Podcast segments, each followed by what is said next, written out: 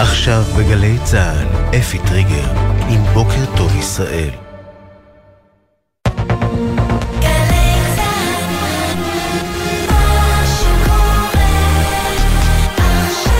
גלי צה"ל, שש בבוקר. בוקר טוב ישראל, עם אפי טריגר, עורך ראשי שרון קינן. שלום לכם. הותרו לפרסום שמותיהם של שני חללי צה"ל, הודעות נמסרו למשפחותיהם. רב סמל ראשון במילואים יוסף אבנר דורן, בן 26 מירושלים, לחם במסגרת יחידת הניוד המבצעי, שירת כלוחם איסוף יהודי בשייטת 13, ונפל אתמול בקרב בצפון רצועת עזה. רב סמל במילואים שלו זלצמן, בן 24, מרמת ישי, לוחם בגדוד 6623, עוצבת חוד החנית, נפל אתמול בקרב בדרום הרצועה. יהי זכרם ברוך. בנוסף, לוחם במילואים ביחידת הניוד המבצעי, נפצע אתמול קשה בקרב בצפון הרצועה. קצין ושלושה לוחמים במילואים בגדוד 6623 נפצעו קשה אתמול בקרב שבדרום הרצועה. שני לוחמי צה"ל שנפלו במהלך סוף השבוע יובאו היום למנוחות. רב סמל ראשון במילואים תומר שלמה מיארה, בן 28 מנתניה, לוחם בגדוד ההנדסה 710, שנפל בקרב בצפון הרצועה ביום שישי, יובא למנוחות ב-12 בצהריים בבית העלמין. בנתניה. באותה השעה יובא למנוחות בחלקה הצבאית בבית העלמין סגולה בפתח תקווה, רב סמל בכיר במילואים יחזקאל עזריה, תושב העיר בן 53, לוחם שריון בחטיבה 8, שנהרג בשבת מפגיעת כטב"ם. חברו הטוב שמואל כהן ספד לו בשיחה עם בוקר טוב ישראל. תמיד כשהיינו צריכים עזרה בכל דבר, הוא תמיד היה שם. עזר לכולם, גם אם זה היה יוצא בסוף על חשבונו. אין כזה דבר אצלו שהוא היה אומר לו, אוהב את המשפחה שלו, כל הזמן מדבר על המשפחה שלו, על אשתו, על הילדים. אמש הובא למנוחת עולמים רב סמל במילואים שי אוריאל פיזם, בן 23 מקיבוץ עין הנציב, מפקד טנק בגדוד 9, שנפל בקרב בדרום הרצועה, שלשום. הוא נטמן בבית העלמין בקיבוץ. בסוף השבוע הובא למנוחות גם סמל עוז שמואל ערדי, בן 19 מקיבוץ חצור, לוחם בגדוד ההנדסה 603, שנפל בקרב בדרום הרצועה ביום חמישי. הוא נטמן בבית העלמין בקיבוץ חצור. היום ה-72 למלחמה, שרי החוץ של בריטניה וגרמניה בקריאה משותפת להפסקת אש בת קיימא בין ישראל לחמאס. דיוויד קמרון ואנלנה ברבוק פרסמו מאמר ב-Sunday Times הבריטי, ובו הם כותבים: ישראל לא תנצח במלחמה הזו אם פעולותיה יהרסו את הסיכוי לדו-קיום בשלום עם הפלסטינים. יש לישראל הזכות לחסל את האיום הנשקף מחמאס, אבל יותר מדי אזרחים פלסטינים נהרגו. כך שרי החוץ של בריטניה וגרמניה. ביהודה ושומרון כוחות הביטחון פועלים זה כשש שעות במבצע לסיכול טרור במחנה הפליטים נור א-שמס שבטול כרם. הכוחות חושפים צירים החשודים כממולכדים ועוצרים חשודים בפעילות טרור. במהלך הפעילות נרשמו חילופי אש עם מחבלים שכללו יידוי מטענים. על פי דיווחים מספר מחבלים נפגעו. פורסמו מועדי הלוויותיהם של שניים מהחטופים שנורו בשגגה בידי כוחות צה"ל שלשום. אלון שמריז, בן 26 מכפר עזה, יובא למנוחות בשלוש אחרי הצהריים בבית העלמין בשפיים.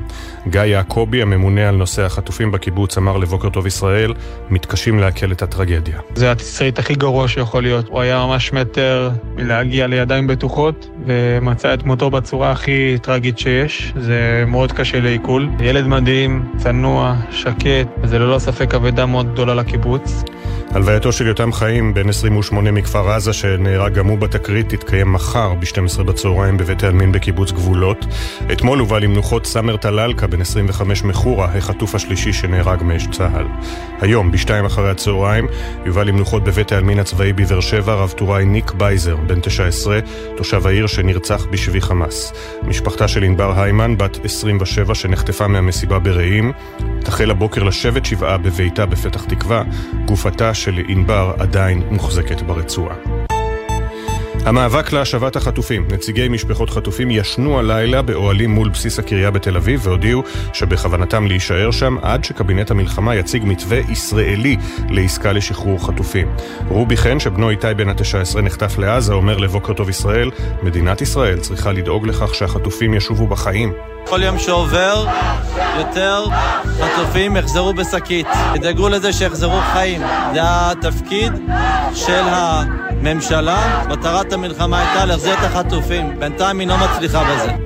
אמש השתתפו אלפים בעצרת השבועית בכיכר החטופים, זו השבת השביעית ברציפות. על הבמה נאמו לצד נציגי משפחות החטופים גם אה, חטופים ששוחררו מהשבי וסיפרו על חוויותיהם וקראו להשבת חבריהם.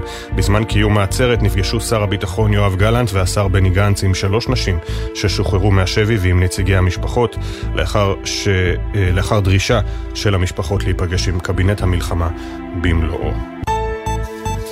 ראשי רשויות בדרום הארץ מותחים ביקורת על מסמך שהועבר להתייחסותם מצה"ל ולפיו אה, יש היערכות לצמצום האזורים בעוטף עזה המוגדרים כשטח צבאי סגור כדי לאפשר חזרה של חלק מהם לבתיהם. במכתב למפקד אוגדת עזה, תת-אלוף אבי רוזנפלד, טענו ראשי המועצות האזוריות אשכול, שער הנגב, שדות נגב וחוף אשקלון כי המסמך מתעלם לחלוטין מהמציאות הביטחונית באזור וכי עדיין לא הושלמו כל מרכיבי הביטחון והצרכים החיוניים להבטחת החזרה ליישובים. אמש אמר שר הביטחון יואב גלנט במסיבת עיתונאים כי מפונים יוכלו לחזור לבתיהם בקרוב, והוסיף שהמהלך יתרחב בחודש הבא. אנחנו מתחילים בקרוב להחזיר את uh, המפונים אל בתיהם בדרום, זה ילך ויגבר. אני מעריך שאנחנו נראה במהלך חודש ינואר פעימות נוספות שנוגעות למקומות נוספים. מדובר צה"ל נמסר כי אין החלטה רשמית של אה, צה"ל להחזרת תושבי העוטף לבתיהם וכי מדובר בטיוטה שהועברה לראשי הרשויות כחלק מהשיח השוטף שצה"ל מקיים כדי לצמצם את היקף השטח המוגבל בתנועה. עוד נאמר בתגובת דובר צה"ל, אין כל שינוי במעמד המפונים והטיפול בהם.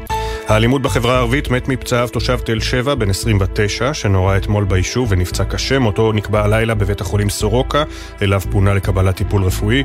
מוקדם יותר אתמול הותר בטייבה גבר ללא רוח חיים במכונית שעלתה באש. הרקע לשני האירועים מסתמן פלילי. מזג האוויר, ירידה קלה בטמפרטורות, ייתכן טפטוף לאורך מישור החוף. בחסות אייס, המציעה את אייס סייל, אירוע המכירות השנתי במגוון מחלקות. מייבש כביסה 7 קילוגרם שבמבצע ב-699 שקלים. עד גמר המלאי, המבצעים באתר ובסניפים. אייס. בחסות ביטוח 9, ביטוח דיגיטלי המציע למצטרפים חדשים או מחדשים דחייה של חודשיים בתשלומי ביטוח הרכב. איי-די-איי חברה לביטוח, כפוף לתקנון. בוקר טוב ישראל עם אפי טריגר. 607, גלי צה"ל, בוקר יום ראשון, 17 בדצמבר 2023, ה' בטבת תשפ"ד, אנחנו עם הבשורה המרה גם הבוקר, שני לוחמים במילואים נפלו אתמול בקרבות בצפון ודרום הרצועה, עוד ארבעה נפצעו קשה בקרבות השונים, דורון קדוש כתבנו לענייני צבא וביטחון שלום. שלום אפי, כן, הבוקר מותרים לפרסום שמותיהם של שני חללי צה"ל שהודעה נמסרה למשפחותיהם, שניהם נפלו במהלך הקרבות בשטח רצועת עזה אתמול. שמותיהם של החללים, רב סמל ראשון במילואים, יוסף אבנר דורן, בן 26 מירושלים, לחם במסגרת יחידת הניוד המבצעי, יחידת הבלנ"ם, ושירת כלוחם איסוף יהודי בשייטת 13. הוא נהרג כתוצאה מפיצוץ מטען על הרכב שבו הוא נסע.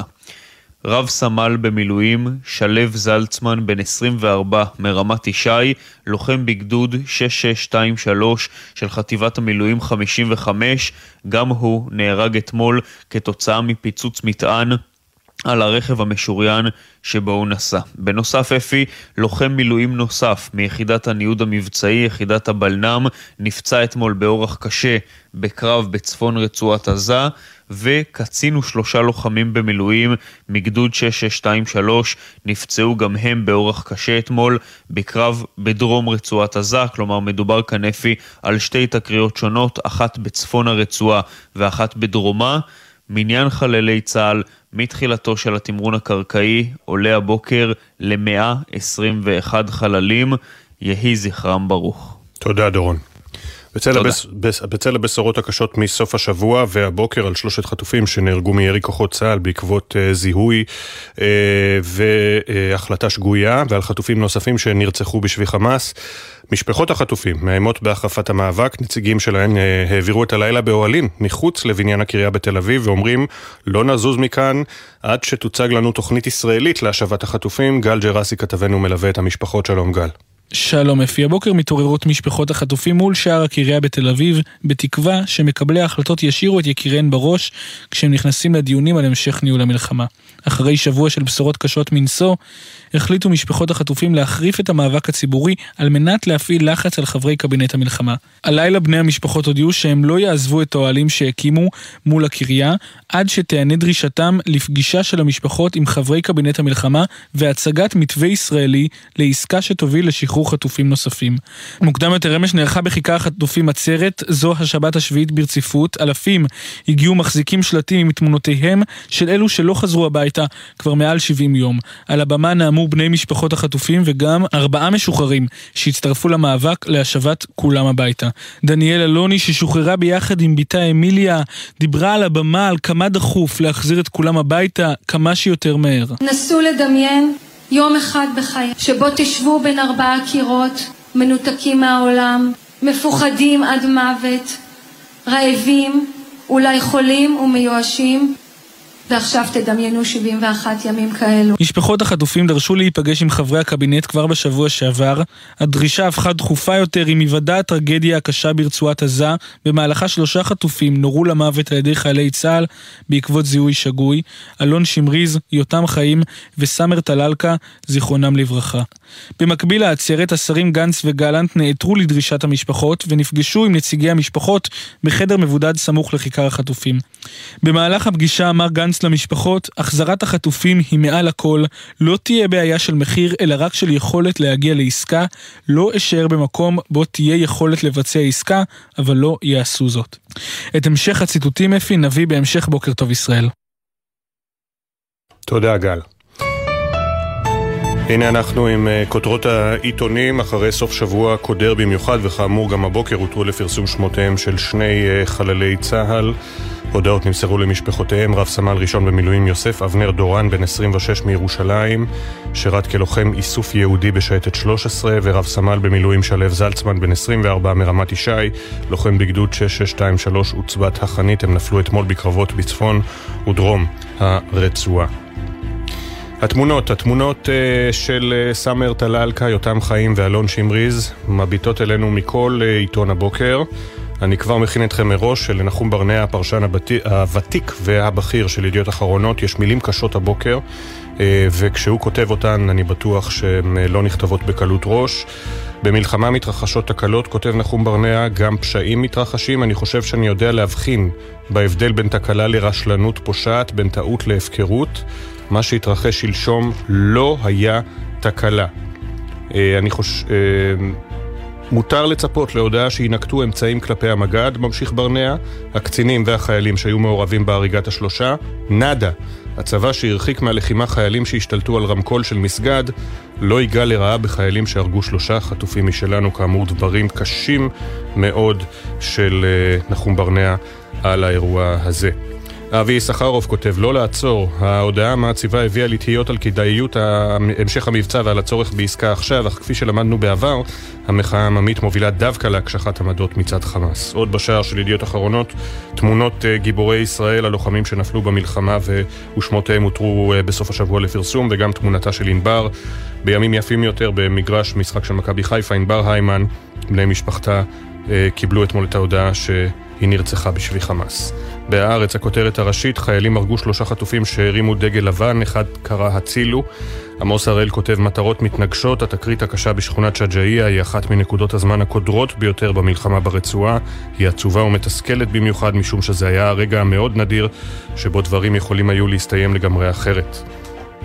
אמיר טיבון כותב, ארה"ב משתמשת בצורך של ישראל בתחמושת כמנוף לחץ. ומתרגמים כאן גם את התחקיר של הניו יורק טיימס שהופיע בסוף השבוע, לפיו ישראל גילתה את רשת הכספים של חמאס כבר ב-2018 ולא עשתה דבר. מתחת לקיפול בהארץ, אה, חברות ספנות עצרו מעבר אוניות בים האדום, וגם בית המשפט הורה לחקור מות עציר פלסטיני בכלא מגידו. בישראל היום, האסון בעזה, החטופים הניפו בד לבן ונורו על ידי כוח צה"ל כפסע מהחופש. זו הכותרת הטרגית. יואב לימור כותב, האירוע מציף בעיות מבצעיות של טווחי ירי ואישורים לפתוח באש ולחדול, ובהבחנה הנדרשת בין אויב מובהק לסכנה פוטנציאלית. עם זאת, למי שממהר לשפוט את הכוח ששגה, צריך להזכיר את אנשי חמאס, לבושי אזרחי, המנסים למשוך חיילים למלכודות. הפרשנות המלאה של יואב לימור בעמוד 2 בישראל היום. משפחות החטופים מחריפות צעדים, כך הכותרת, המשפחות דורשות הצעה ישראלית להשבת החטופים, עד אז יתבצרו בכניסה לקריה. זה השער של ישראל היום. במעריב השתלטו על מעוז נוסף, צה"ל השלים את כיתור בית החולים כאמל אדואן ששימש כמטה של חמאס בג'באליה. אחרי הטרגדיה, לחץ לקדם עסקת שבויים נוספת, אסון החטופים קוראים לזה במעריב, מותם בשוגג של יותם חיים, סאמר פואד אל-טלאלקה ואלון שמריז, שהיו רחוקים עשרות מטרים מחוף מבטחים אך נהרגו מאש כוחותינו, מגביר עוד יותר את הדאגה לשלומם של יתר החטופים. מאמרי פרשנות. אה, טל לב רם, הפרשן הצבאי, כותב שקיפות מלאה, המלחמה בעזה מביאה עם התרחישים ואתגרים יוצאי דופן. ביום שישי בשעות הבוקר המאוחרות, החלטה נכונה והקפדה על נוהלי הפתיחה באש של הלוחם שזיהה בטעות את שלושת החטופים כמחבלים, הייתה יכולה לשנות את התמונה. אה, בן כספית כותב, קמפיין על מלא. אין שום אפשרות uh, לשפוט בדיעבד את הלוחמים שירו בשלושת החטופים בשכונת שג'אעיה בסוף השבוע, כך מתחיל המאמר שלו, והוא ממשיך אחר כך מסיבת העיתונאים של שלושת הטנורים, כך הוא מכנה את uh, נתניהו, גלנט וגנץ, באה אתמול לעולם כהצהרה של ראש הממשלה בלבד, אלא שאז התברר שבני גנץ נעתר לבקשת משפחות החטופים וקבע איתם פגישה שנועדה להתקיים ממש על הצהרת נתניהו. גנץ הזמין את גלנט ונתניהו להצטרף, גלנט נעתר, נתניהו הבין שייתפס במערומיו, בעוד עמיתיו מביטים בעיניהן של המשפחות הוא עושה פוליטיקה, אז נתניהו הזמין את גנץ וגלנט להצטרף להצהרתו והפך אותה למסיבת עיתונאים. המאמר המלא שלו בעמודים 4-5. כך במעריב. גם בג'רוזלם פוסט, התמונות של סאמר, יותם ואלון בשער, יחד עם תמונותיהם של חללים נוספים אה, שנפלו בלחימה, בהם גם חטופים אה, שהתבשרו משפחותיהם בסוף השבוע שהם נרצחו בשבי, אה, ניק בייזר שנחטף מהבסיס, אליה טולדנו שנחטף מהמסיבה ברעים. הכותרת הראשית, הלוי admits mistake after IDF kills three hostages. הרמטכ"ל הלוי מודה בטעות אחרי שצה"ל הורג שלושה חטופים. Soldiers violated open fire rules, הלוחמים הפרו את הוראות הפתיחה באש. Military retrieves four more hostage bodies, הצבא הצליח להשיג, להחזיר עוד ארבע גופות חטופים. מתחת לקיפול בג'רוזלם פוסט, Lebanon drone kills IDF soldiers clashes with Hezbollah continue, כטמ"ם של, של כטב"ם לבנוני פגע והרג את לוחם המילואים יחזקאל עזריה. יחזקאל עזריה, רב סמל בכיר, אני בטוח שרבים מכם שמו לב אתמול כשהשם שלו פורסם. בן 53, כלומר התנדבות במילואים הרבה אחרי גיל השחרור הרשמי. רב סמל בכיר יחזקאל עזריה, בן 53, נפל אתמול מפגיעת הכטב"ם או הכטמ"ם של חיזבאללה. ביתד נאמן הצבא הרג בשוגג שלושה חטופים בשג'אעיה, זו הכותרת הראשית. אסון נורא בעיצומה של הלחימה בעזה. לאחר האסון ראש הממשלה גלנט וגנץ קיימו מסיבת עיתונאים, נתניהו אמר רק הלחץ הצבאי יוביל לשחרור החטופים ואם אני מחפש ידיעות שקשורות לחברה החרדית, אני בינתיים מודה שאני לא מוצא, אולי בשער האחורי. אה, לא, אבל כן יש פה ידיעה חשובה, חולה חצבת שהה על טיסה מדובאי לישראל, אה, כך הודיע משרד הבריאות, מחלת החצבת, מחלה נגיפית מדבקת ביותר שמתבטאת בחום, הרגשה כללית, כללית רעה, נזלת ופריחה, אה, אם מופיעים תסמינים, כמובן אז הנוסעים בטיסה FZ1211 שיצאה מדובאי ב-10 בדצמבר ונחתה ביום ראשון, באותו יום ראשון בבן גוריון, שידעו שהיה שם חולה חצבת. אנחנו בהמשך עם כותרות נוספות.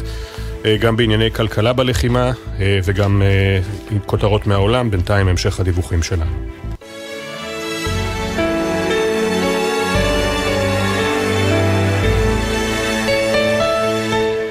שש ותשע עשרה דקות, אנחנו מדברים הרבה על הלחץ ההולך ומתגבר מהעולם.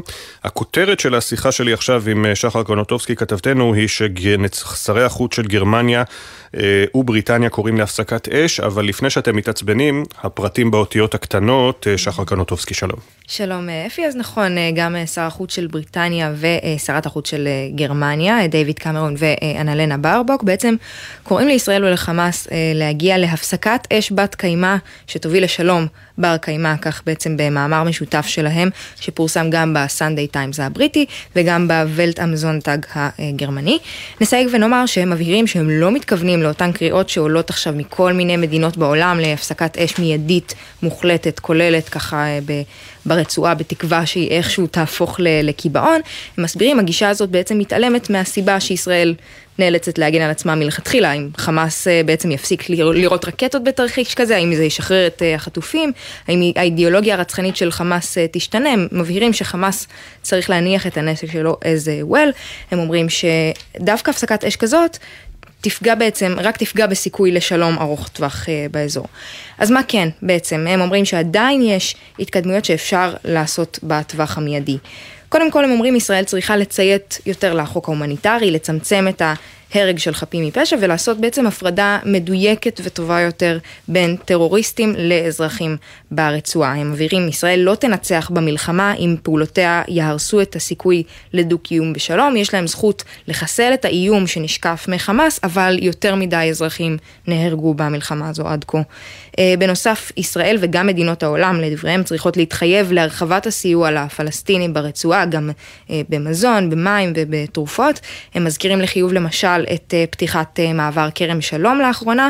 אה, בסופו של, דבר הם מפצירים בכל אלה שרוצים לשים קץ לסבל, להתחיל לדון בפתרון היום שאחרי, בעצם גם ברצועה וגם מחוצה לה, הם מכוונים ככה יותר בעצם לפתרון שתי המדינות מן הסתם, הם אומרים שלשותפינו הערביים במיוחד יש תפקיד מכריע בכך, אחרי שהם גילו מחויבות, מחויבות הומניטרית משמעותית ויש להם אפילו יותר משקל פוליטי להביא לשולחן, הם מזכירים גם אה, מציאת פתרון לנושא אחר שהוא אה, אלימות המתנחלים ביהודה ושומרון. אה, כאמור, עוד לא מדובר בפתרון ממשי וככה צעדים ברורים שהם מבהירים לישראל, אבל אולי מדובר בהתחלה של איזשהו פתרון דיפלומטי אחר לעולם וכל אחר מהעולם. בהחלט. תודה שחר. תודה רבה.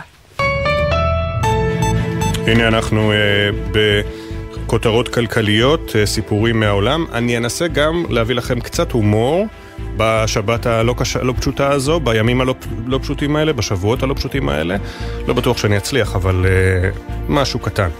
אבל זה אחר כך. Uh, קודם כל בכלכליסט, סמוטריץ' רוצה לשדוד גם את החסכונות והפנסיות במקום כספים קואליציוניים, כך מכריזים עירית אבישר ושלמה טייטלבאום בכותרת הראשית. בעוד הממשלה נזהרה מלגעת בכספים הקואליציוניים והעבירה מיליארדים למימון ישיבות ופרויקטים בהתנחלויות, בוחנים כעת במשרד האוצר קיצוצים בהטבות המס באפיקי החיסכון ארוך הטווח של הציבור. בין הנושאים שנבחנים כחלק מגיבוש התקציב לשנה הבאה, ביטול פטור ממס על רווחי קרנות השתלמות שיצטברו אחרי חיסכון של שש שנים, וביטול התוכנית להרחבת הפטור ממס בקצבאות הפנסיה. המהלכים צפויים לפגוע בעיקר במעמד הביניים העובד. אה, שחר אילן מפרשן, הביזה הגדולה עוד לפנינו, הסכומים שמחכים בתור ב-2024 גדולים בהרבה. המטרה של שר האוצר סמוטריץ' ברורה, להיכנס לשנה הבאה ולהתחיל להשתמש בכסף הזה, כדי שאחר כך לא ניתן יהיה לקצץ אותו. יש לקוות שכבר בזמן הקרוב יוציאו היועצת המשפטית לממשלה והיועץ המשפטי לאוצר חוות דעת שקובעת שגם בכספים הקואליציוניים של 2024 לא ניתן להשתמש עד העברת אה, תקציב חדש. אה, עוד בכלכליסט, ההחלטה של ענקיות ההובלה הימית מרסק ו-CMA CGM להפסיק להעביר סחורות בים האדום צפויה לטלטל את שוק הסחר העולמי. זו גם כותרת שבולטת ביתר אה, עיתוני ומדורי הכלכלה, כך למשל זו הכותרת הראשית של דה מרקר הבוקר. החות'ים מטלטלים את הסחר הימי העולמי. ההודעה של ענקיות הספנות כי יפסיקו לשוט בים האדום מבהירה כי הטרור החות'י פוגע לא רק בישראל אלא גם באירופה, הודו, סין, מדינות המפרץ ומצרים. התארכות נתיבי השיט צפויה להוביל להעלאת מחירים לצרכנים. מכה כפולה לאילת, כותבים עידן בנימין וטלי חירותי סובר. עוד בדה מרקר, התשתיות נהרסות, עבודת השיקום בצפון עשויה לא ליפול בהיקפה מזו שדרושה בנגב המערבי, מדווחת קים לגזיאל. טנקים נוסעים חופשי ברחובות, תשתיות נהרסות, גם שיקום הצפון יעלה ביוקר. שיקום הדרום מוערך ב-18 מיליארד שקל וישראל צועדת לגירעון. ביישובים הסמוכים לגבול לבנון עדיין מחכים לכסף שהובטח במסגרת תוכנית מיגון הצפון מ-2018. אה, הכתבה המלאה בעמוד 5 בדה מרקר. בכלכלה של ישראל היום, עמודים 2021 אה, עיכובים במשלוחים וזינוק במחירים, עצירת השיט תגרום לנזק של כ-700 מיליון שקל בחודש, מעריכים גורמים כלכליים, אחרי ההודעה של חברות הספנות הגדולות בעולם על השהיית מעבר ספינותיהן באזור. אה, סוניה גורודיסקי שואלת, האם אנחנו בדרך להורדת ריבית, אחרי שהאינפלציה בנובמבר הייתה שלילית, מדד המחירים לצרכן ירד בנובמבר בשלוש עשיריות האחוז, והפתעת המדד כלפי מטה מגבירה את הסיכוי להורדת ריבית בתחילת ינואר, אומרים אה, מומחים כלכליים. בממון בתוך uh, ידיעות אחרונות, עמודים 26-27. Uh, סמוטריץ' ביטל את הפטור ממס על משקאות ממותקים, פניית פרסה. שר האוצר השאיר את הפטור רק על משקאות דיאט. באגף התקציבים מציעים לבטל פטור ממע"מ על חבילות מחו"ל עד 75 דולר, זה במסגרת הגזרות של תקציב 2024. אה, אריק שור מונה ליושב ראש חברת ההחזקות של קיבוץ יזרעאל, מדווחת נבית זומר. מנכ"ל תנובה לשעבר התמנה ליושב ראש חברת ההחזקות של קיבוץ יזרעאל, מהקיבוצים העשירים במדינה. מחזיק בח... הקיבוץ מחזיק ב-54% מחברת מיטרוניקס, יצרנית רובוטים, לניקוי בריכות שחייה שהקיבוץ הקים והיא מקור עושרו. אה, וכן, עכשיו אנחנו מגיעים אלה הסיפורים מהעולם. כאמור, שמעתם את שחר קנוטובסקי, המאמר המשותף של שר החוץ אה, של בריטניה, הלוא הוא ראש הממשלה לשעבר אה, דיוויד קמרון, ושרת החוץ של גרמניה, נלנה באבוק. יש כאלה שאומרים ברבוק, באבוק, אה, לא ברור ההגייה. פרסמו ביחד מאמר שקורא להפסקת אש ברת קיימא. אה, וקוראים כמובן למיגור שלטון חמאס, אבל גם לישראל לבדוק טוב יותר את ההפצצות שלה, והם קוראים לכך שבסופו של התהליך חייבת להיות הפסקת אש שגם תוביל לשלום בר קיימא. מה לעשות, אה, יש כאלה שעדיין אה, מאמינים בזה. ככה, אני רוצה להפנות אתכם לשני קטעים ביוטיוב. האחד זה של הקומיקאי והסאטיריקן ואדם חריף מאוד בשם ביל מר, אני מרבה אה, לצטט אותו. הוא באופן כללי בעדנו, הוא יהודי, אבל הוא איש אה, שמאל, אפשר לומר שמאל קיצוני בארצות הברית. חופש הביטוי מבחינתו צריך להיות עד החלק האחרון ביותר. הוא מזלזל בתנועת מי-טו אה, ובתנועת הקאנסל והווק, אבל אה, אחרי שבשבוע שעבר תקף בחריפות בתוכניתו את אה, נשות האקדמיה האמריקאיות, אז אה, בתוכנית ביום שישי, תחפשו את הקטע מיום שישי לפני יומיים, שמתחיל במילים New Rule ביוטיוב, של אה, התוכנית של ביל מר נקראת Real Time with ביל מר, שמונה דקות שבהן הוא מנתח את ההבדל בין הסכסוך הישראלי-פלסטיני לסכסוכים אחרים, אה, תוקף בחריפות את הפלסטינים שסירבו לכל אה, תוכניות לגור לצידנו מתוכנית החלוקה הלאה, מציין שסכסוכים אדירים ומדממים בעולם נפתרו, בהם למשל הסכסוך באירלנד, סכסוכי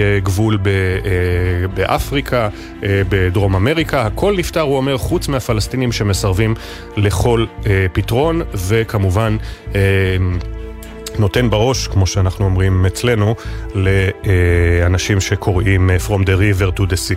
אז אה, זה ביל מאהר בארצות הברית. אה, הבטחתי קצת הומור, אני אנסה בכל זאת. אז אתמול בעצרת של החטופים הופיע גם השחקן מייקל רפפורט, אני מדבר עליו משבוע שעבר מאז שהוא נחת כאן, והוא באמת, תעברו על הטוויטר שלו, הוא לא מפסיק לבקר משפחות חטופים, לבקר, כלומר visit, לא, לא למתוח ביקורת. ניצב לצידן, מעלה סיפורים, מעלה סרטונים. הוא גם נמצא עם עוד תסריטאי יהודי, לי קרן, והם ביחד היו בכותל ביום שישי. אתמול הוא נאם על הבמה. Uh, ועכשיו אני מגיע לחלק הקצת מצחיק, בכל זאת קצת חיוך. Uh, והוא אמר, uh, זה, משבר, זה לא משבר ישראלי, זה משבר גלובלי.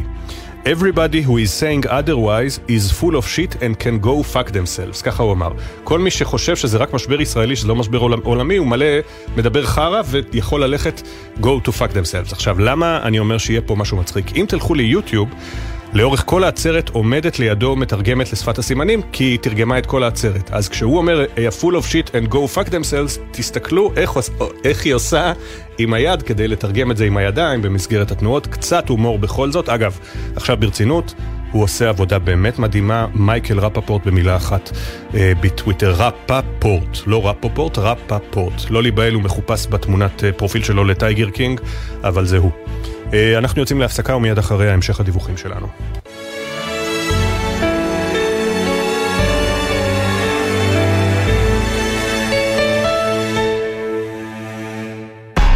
אתם מאזינים לגלי צה"ל. שני.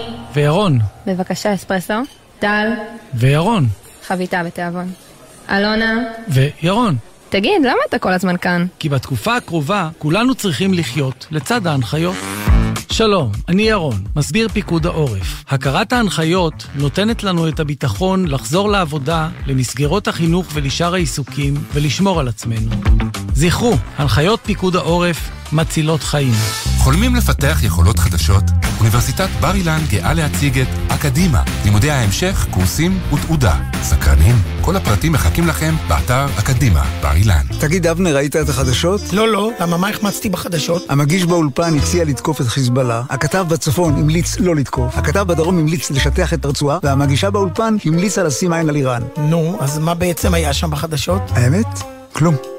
הפרעת קשב, מבית גלי צה"ל והאוניברסיטה הפתוחה. אנשי התקשורת משה שלונסקי ואבנר הופשטיין מרימים את המסך של עולם התקשורת, במיוחד במלחמה. בכל זמן שתרצו, באתר וביישומון גל"צ גלגלצ, ובכל מקום שאתם מאזינים להסכתים שלכם. עכשיו בגלי צה"ל, אפי טריגר, עם בוקר טוב ישראל. שש ושלושים הכותרות.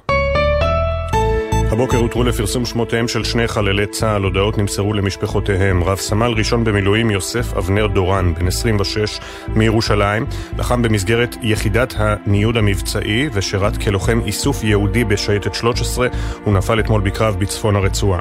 רב סמל במילואים שלו זלצמן, בן 24 מרמת ישי, לוחם בגדוד 6623, עוצבת חוד החנית, נפל אתמול בקרב בדרום רצועת עזה.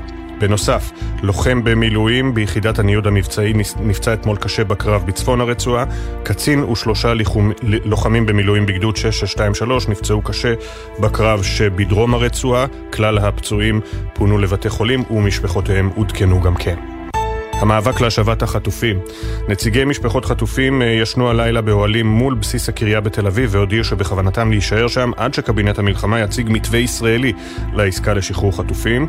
רובי חן, שבנו איתי בן ה-19 נחטף לעזה, אמר לבוקר טוב ישראל, מדינת ישראל צריכה לדאוג לכך שהחטופים ישובו בחיים. כל יום שעובר, יותר חטופים יחזרו בשקית. תדאגו לזה שיחזרו חיים. זה התפקיד של ה... ממשלה, מטרת המלחמה הייתה להחזיר את החטופים. בינתיים היא לא מצליחה בזה. אלפים הגיעו אמש, זו השבת השביעית ברציפות, לעצרת השבועית בכיכר החטופים. על הבמה נאמו לצד נציגי המשפחות גם כאלה ששוחררו מהשבי, סיפרו על חוויותיהם וקראו להשבת חבריהם. בזמן קיום העצרת נפגשו שר הביטחון גלנט והשר גנץ עם שלוש נשים ששוחררו מהשבי ועם נציגי המשפחות, לאחר דרישת המשפחות להיפגש עם קבינט המלחמה במלואו. ביום ה-72 למלחמה, שרי החוץ של גרמניה ובריטניה בקריאה משותפת להפסקת אש בת קיימא כהגדרתם בין ישראל לחמאס. אנלנה ברבוק ודייוויד קמרון פרסמו מאמר בסנדיי טיימס הבריטי, שבו הם כותבים ישראל לא תנצח במלחמה הזו אם פעולותיה יהרסו את הסיכוי לדו-קיום אה, בשלום עם הפלסטינים. יש לישראל הזכות לחסל את האיום הנשקף מחמאס, אבל יותר מדי אזרחים נהרגו בתהליך, כך שרי החוץ של בריטניה וגרמניה. ביהודה ושומרון כוחות הביטחון פועלים זה אה, שעות ארוכות במבצע לסיכול טרור במחנה הפליטים נור א-שמס שבטול כרם. הכוחות חושפים צירים החשודים כממולכדים ועוצרים חשודים בפעילות טרור. במהלך הפעילות נרשמו חילופי אש עם מחבלים שכללו יידוי אה, מטענים. על פי דיווחים מספר מחבלים נפגעו. עדכון תנועה אחד לנהגים מאולפן גלגלצ בשעה זו, כביש 6 דרומה, עמוס ממחלף עירון עד מחלף אייל, ומזג האוויר ירידה קלה בטמפרטורות, ייתכן טפטוף לאורך מישור החוף.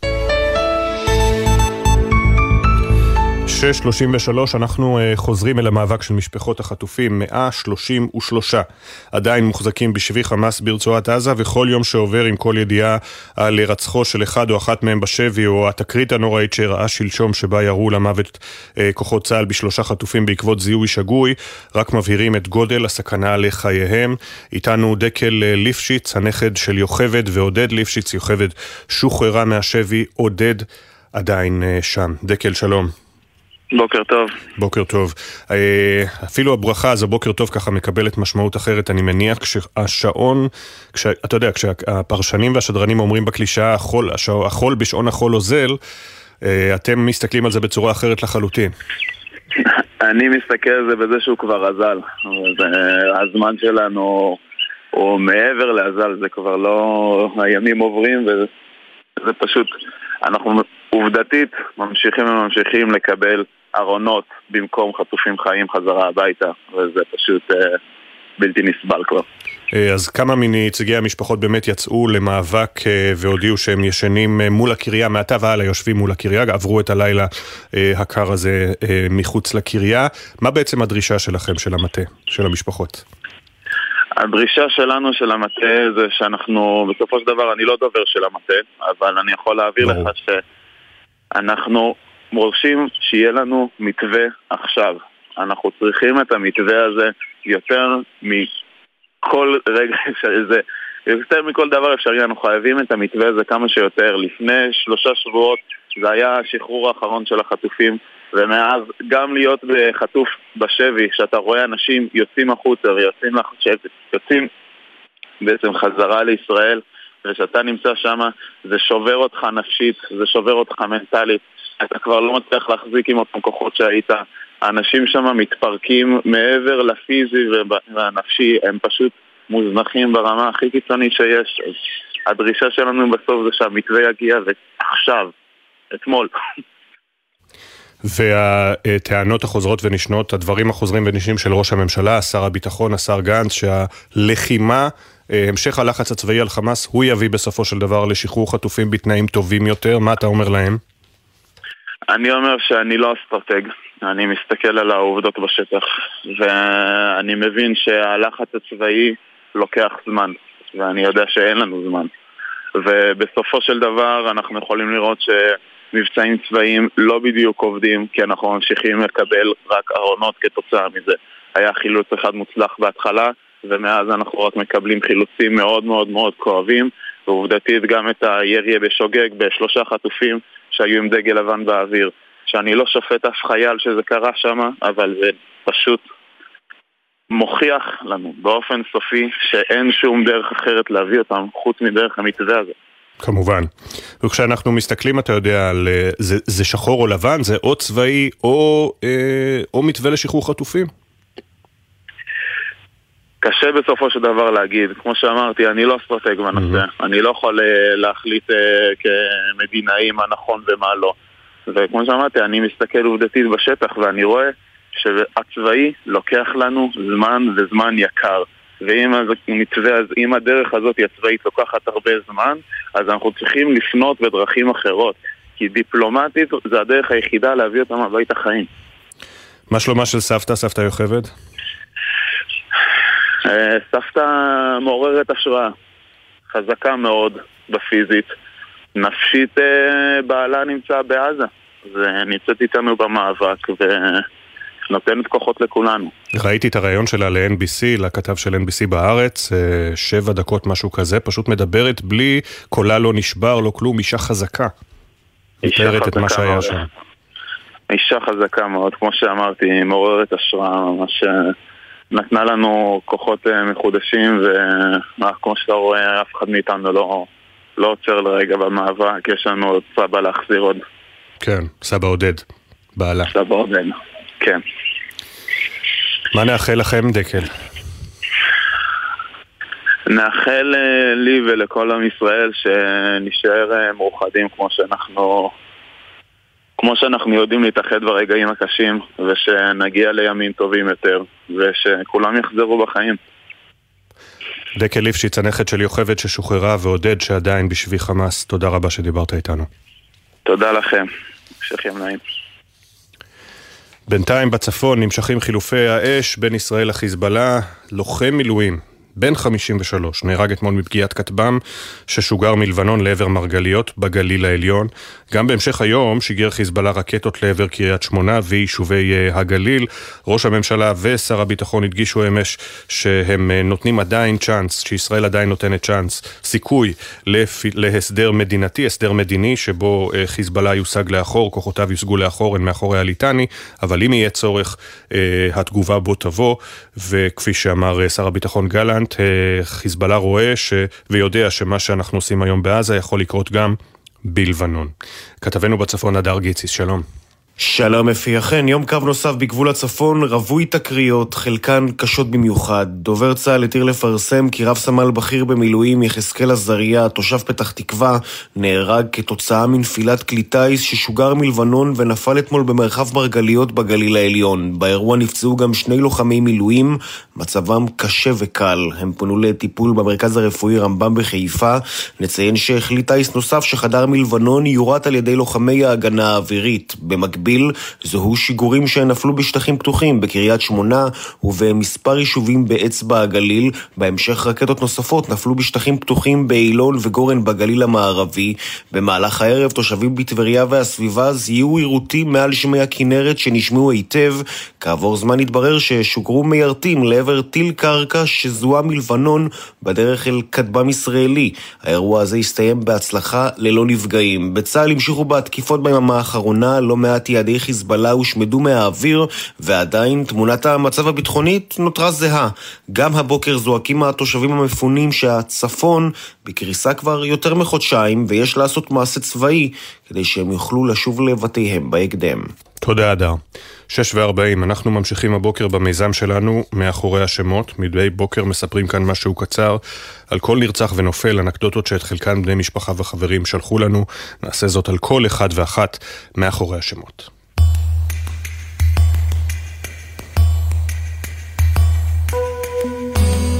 רב סמל ראשון במילואים ליאב עטיה, בן 25 מבאר שבע, היה לוחם בגדוד 6623 בעוצבת חוד החנית, נפל בקרבות בדרום רצועת עזה. ליאב הכין ארוחות שלא היו מביישות אף מסעדת גורמה. עמד על המנגל ערב שלם, עפה בטאבון את הפיצות הכי שוות, וגם רקח קוקטיילים לא שגרתיים, והעניק להם שמות מקוריים. בני הזוג יורי וסבטלנה ליסובוי נרצחו כשיצאו לדוג בחוף זיקים. השניים השתקעו בארץ לפני 25 שנה ועשו הכל ביחד. בישלו, הלכו להופעות, רכבו על אופניים ובעיקר גידלו משפחה לתפארת. גם בבוקר השבת השחורה היו בלתי נפרדים, כשסבטלנה הצטרפה ליורי, חובב הדייג. רב סרן גל בכר, בן 34 מאורנית, היה קצין הדרכה באוגדה 36, נפל בתאונת דרכים צבאית בדרום הארץ. גל תמיד היה הכי מקצוען. אפילו את פק"ל החירום שלו הכניס לתוך קופסת שימורים אטומה. מאיה חיים, בת 22, נרצחה במסיבה ברעים. מאיה לא יכלה לעבור ליד כלב בלי לחבק אותו. והשניים שגידלה בעצמה בגאווה, שוקו וטומי, גושים כפי שהיא כינתה אותם, תמיד חיכו לה בבית. מאיה הייתה בעיצומו של תכנון הטיול הגדול השני שלה לדרום אמריקה, יחד עם חברתה הטובה קרינה, שנרצחה איתה. רב סמל מתקדם במילואים יונתן דוד דייטש, בן 34, מחריש. היה לוחם בגדוד 6623 בעוצבת חוד החנית. הוא נפל בקרבות בדרום רצועת עזה. מדברים שאת החיוך של יונתן היה אפשר לשמוע אפילו מבעד לשיחת טלפון. ולזכרו הוצאו מדבקות עם המשפט הקבוע שלו, יהיה בסדר, בסדר עם פ'. סמל ראשון יונתן דין חיים, בן 25 מרמת גן, היה לוחם בגדוד הנדסה 603 בעוצבת סער מגולן, נפל בקרבות בדרום רצועת עזה. יונתן עלה ארצה מניו יורק כדי להתגייר, לאחר שהתאהב ביהדות ובהיסטוריה של עם ישראל, ותוך זמן קצר כבר דיבר עברית ממש כמו שפת אם. רב סרן במילואים אביתר כהן, בן 42, מכפר סבא. היה קצין הדרכה בגדוד 8111 בחטיבה 5, נפל בקרבות ברצועת עזה. אביתר, אביה, יכל להירדם בכל מצב, ותמיד חיפש איך לעזור לאחרים, בשקט ובענווה. איתן לוי, בן 53 מבת ים, נרצח בשבת השחורה וגופתו מוחזקת ברצועת עזה. איתן אף פעם לא סירב ללכת למסעדת בשרים, ובשבת יכולתם למצוא אותו כמעט רק במקום אחד, גינת הכלבים. רב סמל מתקדם במילואים גדעון אילני, בן 35 מעשאל, היה לוחם בגדוד 2855 בעוצבת חוד החנית, נפל בקרבות ברצועת עזה. גדעון היה דוקטורנט לפיזיקה. שלא מיהר להשתתף בדיונים פומביים, אבל כשעשה זאת היה חולק את תובנותיו בדרך כלל עם חי... חצי חיוך אירוני על השפתיים. והחברים והמשפחה אומרים שהתובנות היו פוגעות בול. רב סמל ראשון במילואים עמרי בן שחר, בן 25 מגבעתיים, היה לוחם בגדוד 6623 בעוצבת חוד החנית, נפל בקרבות בדרום רצועת עזה. עמרי, חצי מצמד תאומים, עשה כמעט בכל סוג ספורט, מכדוריד, דרך כדורגל, טניס וריצת מרתונים ועד ג'ודו, אבל גם בשנים האחרונות, כשהלוז שלו הפך עמוס יותר ויותר, אף פעם, אבל אף פעם, לא ויתר על גלישה בים. השמות, הפנים. הסיפורים המלאים יעלו בהמשך לעמוד האינסטגרם והפייסבוק של גלי צה"ל. נזכיר שבני משפחה וחברים מוזמנים לשלוח לנו סיפורים ותמונות, לכתוב את המייל זיכרון, strudelglz.co.il, זיכרון עם K. תודה לתמר שונמי, שירה שפי ואילי זילברברג שהביאו את הסיפורים לשידור.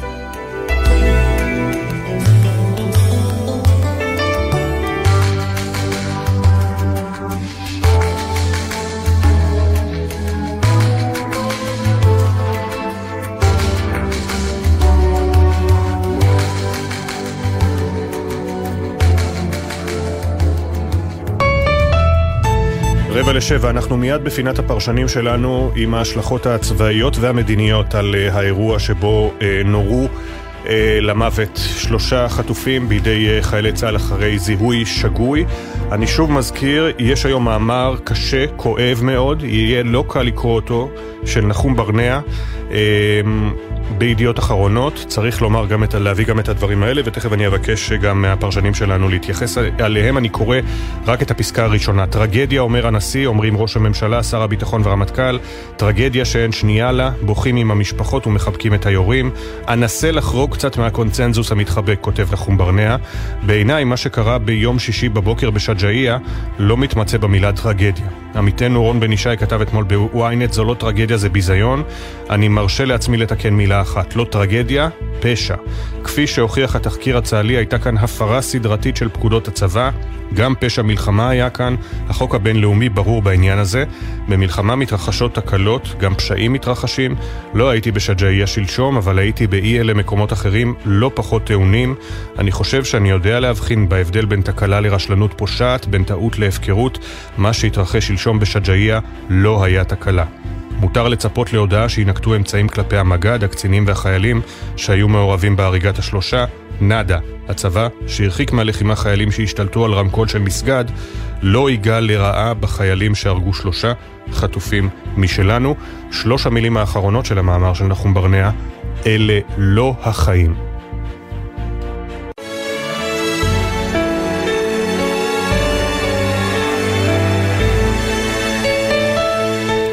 וכאמור, אה, אנחנו בפינת פרשנים, מה אפשר ללמוד מהאירוע הקשה הזה? אה, דוקטור אלון ליאל, לשעבר מנכ"ל משרד החוץ, שלום לך, בוקר טוב. בוקר טוב. היום באוניברסיטת רייכמן, ואלוף במילואים גדי שמני, לשעבר מפקד פיקוד מרכז ואוגדת עזה, שלום לך. בוקר טוב. בוקר טוב. אלוף במילואים שמני, אה, אני חושב שהיית על, על הקו כשקראתי את המובאות מתוך הדברים של כן. נחום ברנע. תגובתך, כי הוא קורא קודם כל להודיע על צעדים ענישתיים כלפי היורים. וכלפי המג"ד? תראה, אני, אני מזדהה עם תחושת התסכול והכעס שלו, אבל אני לא יכול לקרוא לצעדים ענישתיים מכיוון שאני לא יודע עד הסוף בדיוק מה היה שם, מה עבר בראש של הלוחם והלוחמים שלחצו על ההדק. זה, זה נשמע רע, צריך להגיד את האמת, זה נשמע רע, זה נשמע לא טוב. אה, צה"ל לא יורה באנשים שמרימים ידיים. ונעים עם דגל לבן שחצי גופם העליון אה, עירום. ויש טווח שיכול, שאתה יכול להבין, עשרות מטרים אפילו שכנראה לא יכול לגרום לסיכון מיידי לכוח. אז יש פה בעיה מה שאני יכול לומר זה ש, ש, שאלה לא ערכים של צה"ל. אם באמת ירינו באנשים שהרימו ידיים, ו, ו, וזה מה שקרה, זה מה שהרמטכ"ל תיאר. אז זה, זה, זה, זו תקרית אה, מביכה, קשה, אה, עצובה. והדבר הכי חשוב עכשיו בעיניי, מעבר למה שנכתב במאמר, שזה צריך לבדוק, ולא צריך לעבור על דברים כאלה לסדר היום. זה קודם כל להעביר את ה... לקחים ואת את, את, את פרטי האירוע לכל הלוחמים שנמצאים ברצועת עזה, וזה לא דבר פשוט, מי שחושב שזה דבר פשוט, הרי הם לא מחוברים לתקשורת, הם נלחמים, זה אתגר לא, לא פשוט, ו, והאמת היא שאם אנחנו מדברים על, על, על, על צה"ל, אז ערכי צה"ל הם כאלה, אנחנו לא יורים באנשים שמרימים ידיים, אנחנו לא מרימים באנשים שנכנעים, אנחנו לא מרימים באנשים ש... לא יורים באנשים ש... שמרימים דגל, דגל לבן. זאת אומרת, יש פה, יש פה בעיה שאנחנו נצטרך אה, ביום מן הימים לברר אותה עד תום. אני חושב ש, שכרגע, כשהחיילים נלחמים בשטח, זה בעייתי להתחיל לעסוק באירועים כמו, של, של חקירות מצ"ח והענשת חיילים.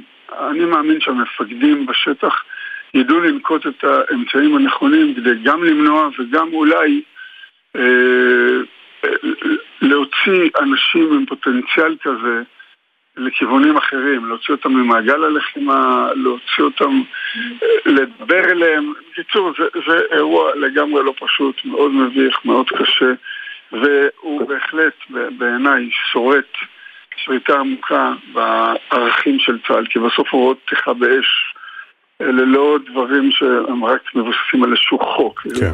בסופו של דבר זה מבוסס על המסד הערכי. של צבא הגנה לישראל. כמובן. אה, אני רוצה לשאול אותך, דוקטור אלון ליאל, אה, אני יודע שזה פחות תחום ההתמחות שלך, אבל דווקא מהניסיון הדיפלומטי עתיר השנים שלך, כי ראיתי אתמול, יש לי בעוונותיי את הפושים של כמעט כל אה, אפליקציית חדשות באנגלית, בגלל העבודה שלי, כולם ציטטו את, ממש הוציאו הודעות מתפרצות כאלה, גם על עצם האירוע הקשה הזה, וגם אחרי זה על התחקיר, they wave the white flag, נפנפו בדגל לבן. אני, אני ככה בתחושת, נקרא לזה רגשי נחיתות ישראליים, שהעולם נגדנו ונהנה לצטט את הסיפור הזה, או שפשוט באמת, אה, אה, או כשצה"ל, מה לעשות, יש פה משהו כושל של צה"ל, אז אה, נהנים ל, ל, לדקור בנו? אז קודם כל זה באמת סיפור נוראי. אני רוצה לשבח את נחום ברנע, שאני חושב שאפשר לתת לו את התואר בכיר עיתונאי ישראל. אה, שאני משוכנע גם שקרא את התחקיר הצה"לי לפני שהוא פרסם מה שפרסם על אומץ בלתי רגיל במה שהוא אומר. אני מקווה מאוד שהדברים של נחום ברנע והדיון הציבורי והתקרית הנוראית והאיומה הזאת תביא למפנה במשהו שמאוד מאוד לא משכנע אותי וזה שהלחץ הצבאי עוזר לחטופים. אני חושב שזה מתכון גרוע, שזו סיסמה שמי שרוצה, אה, ששם את העניין של השמדת סינואר לפני חילוץ החטופים. אני בקשר עם משפחות, אני שומע את המשפחות גם בתקשורת, המשפחות לא מעוניינות בזה, מבחן התוצאה אומר אחרת, והתקרית האיומה הזאת היא צריכה אה, לשנות את המתכון הזה. אנחנו צריכים להפעיל את הכלים הדיפלומטיים במקביל לכלים הצבאיים. אבל מופעלים, הנה ראש המוסד יצא אתמול, נפגש באירופה עם ראש ממשלת קטאר. קודם כל ראיתי שאתמול שאלו את אה, ראש הממשלה את השאלה הזאת והוא לגמרי לא, לא המשיך את העניין, הוא לא נתן שום פתח לדיפלומטיה. אה, הוא אמר, אני לא רוצה לדבר על זה פומבית, שזה הגיוני. בסדר, הוא לא רוצה לדבר על זה כי הוא לא רוצה לעשות את זה. אני מתרשם שישראל כרגע לא מעוניינת בעסקה, לא מעוניינת, היא מעוניינת להמשיך את הרצף הצבאי, יש לו את ההישגים שלו, היא חושבת שאם היא תשמיד את החמאס, היא תגיע לשארית החטופים, ש...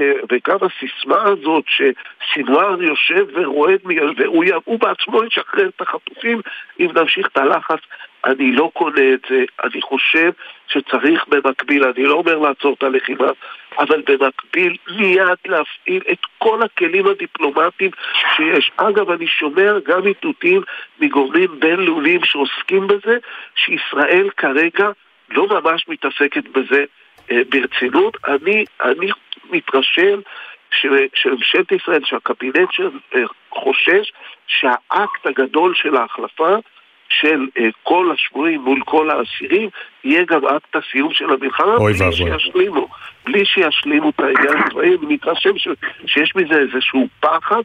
Uh, אני, אני, אקט כזה אגב ייקח הרבה זמן.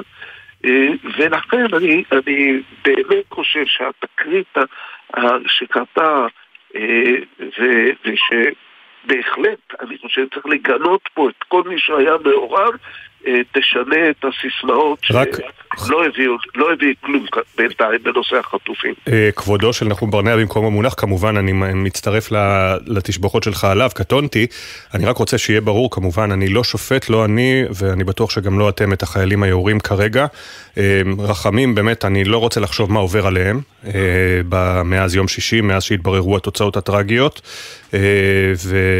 וגם צה"ל כמובן מטפל בנושא בכלים שלו, אני לא מביע פה דעה, פשוט זה היה אה, מאמר בולט מאוד של נחום ברנע שציטטתי ממנו, אבל בואו נתקדם הלאה. אה, אלוף במילואים שמני, אה, כאשר באמת, יש, יש שאלה שאני מניח הרבה מאוד ישראלים שואלים את עצמם, אה, אני אנסח אותה בצורה מאוד מאוד בוטה.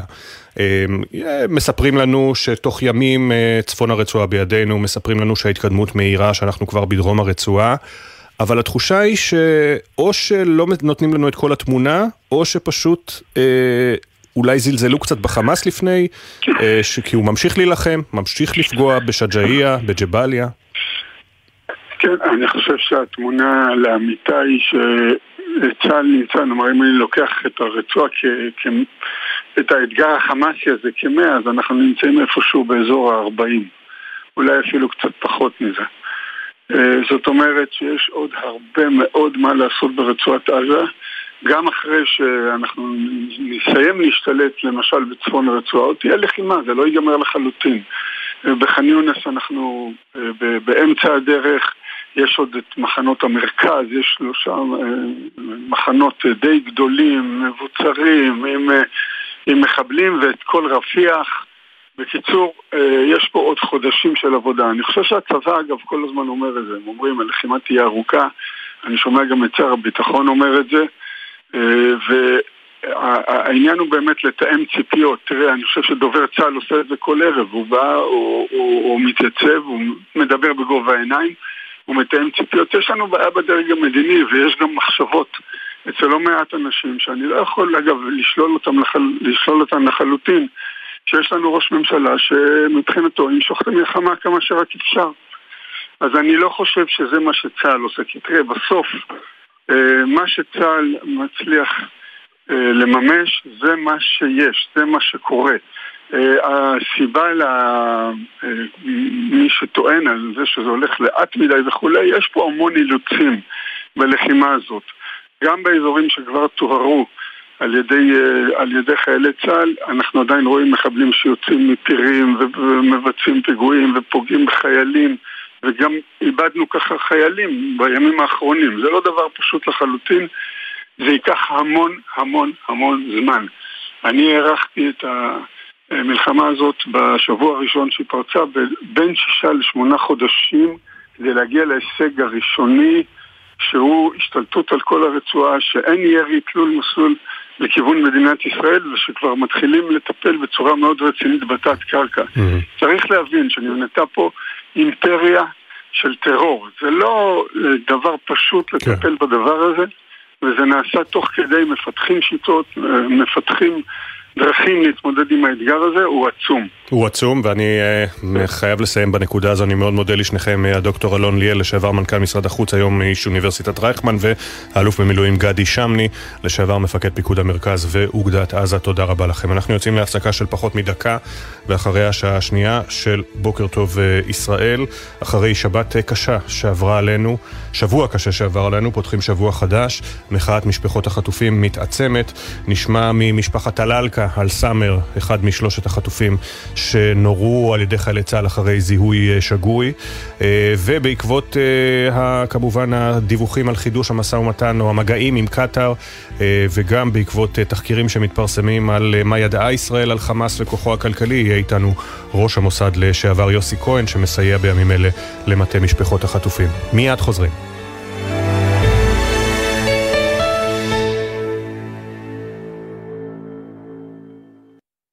בחסות אייס, המציע את אייס סייל, אירוע מכירות השנתי במגוון מחלקות. צמיחת חורף פוך יחיד שבמבצע ב-79 שקלים. המבצעים באתר ובסניפים. אייס. בחסות רשת ביתילי, המציעה לכם 21 25% הנחה על מגוון הריהוט לבית. עד 23 בדצמבר. כי כל סוף הוא התחלה של שזלונג במבצע. ביתילי. בחסות ביטוח 9, ביטוח דיגיטלי המציע למצטרפים חדשים או מחדשים דחייה של חודשיים בתשלומי ביטוח הרכב. איי-די-איי חברה לביטוח, כפוף לתקנון.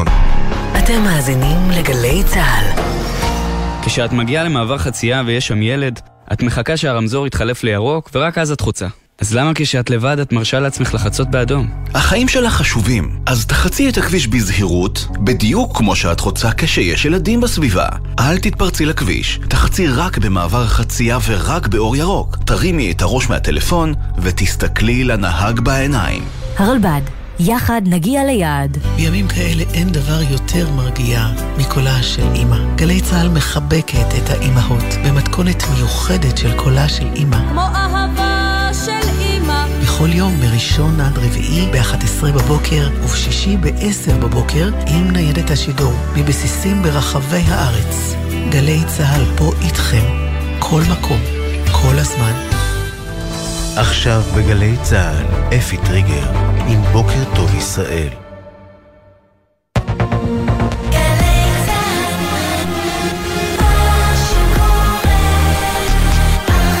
שבע בגלי צה"ל.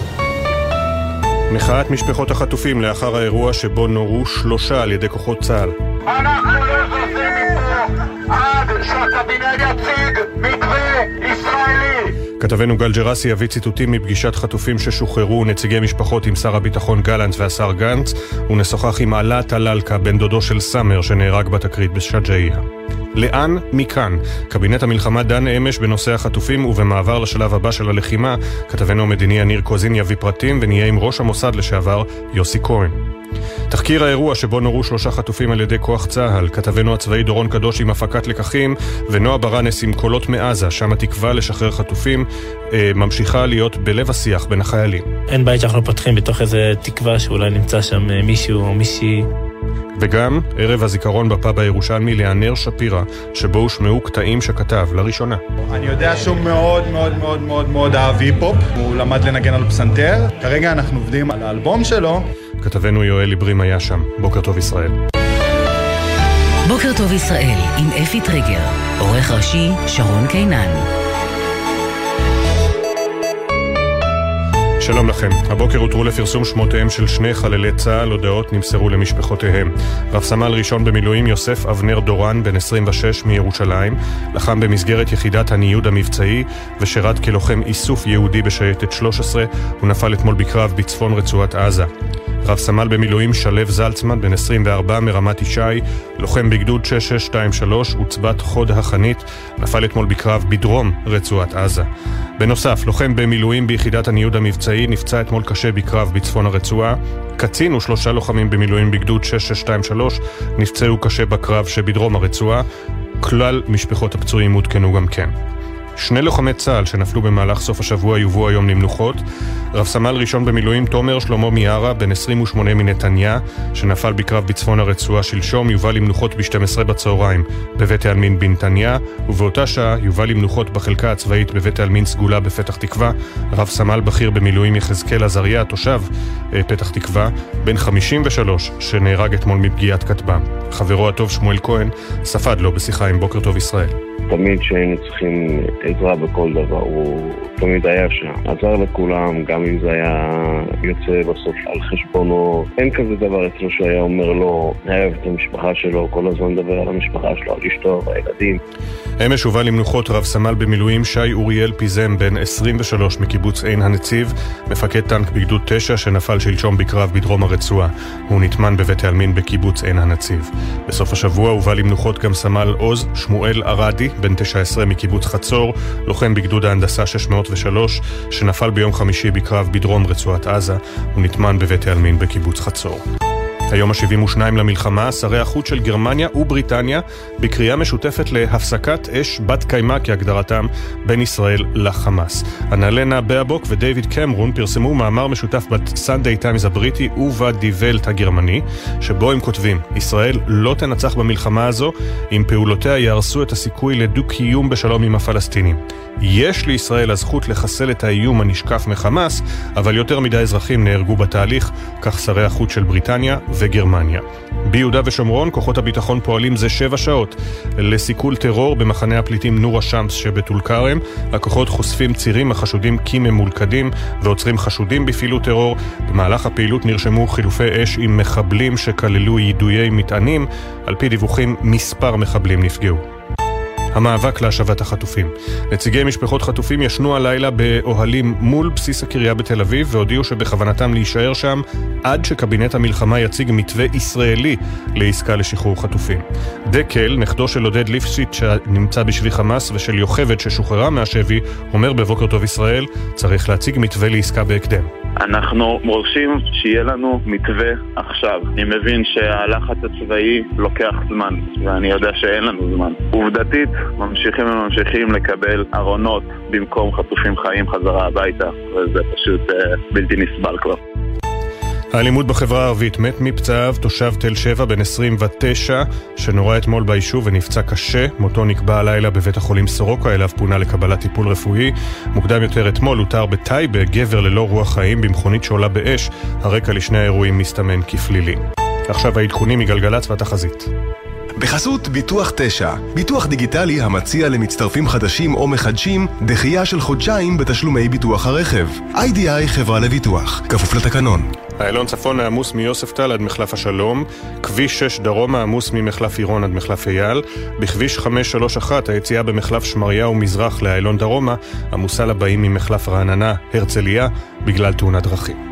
בחסות כלל, המציעה עד 40% הנחה בביטוח הרכב עם כלל בהייב. כוכבית 2222 או פנו לסוכני הביטוח.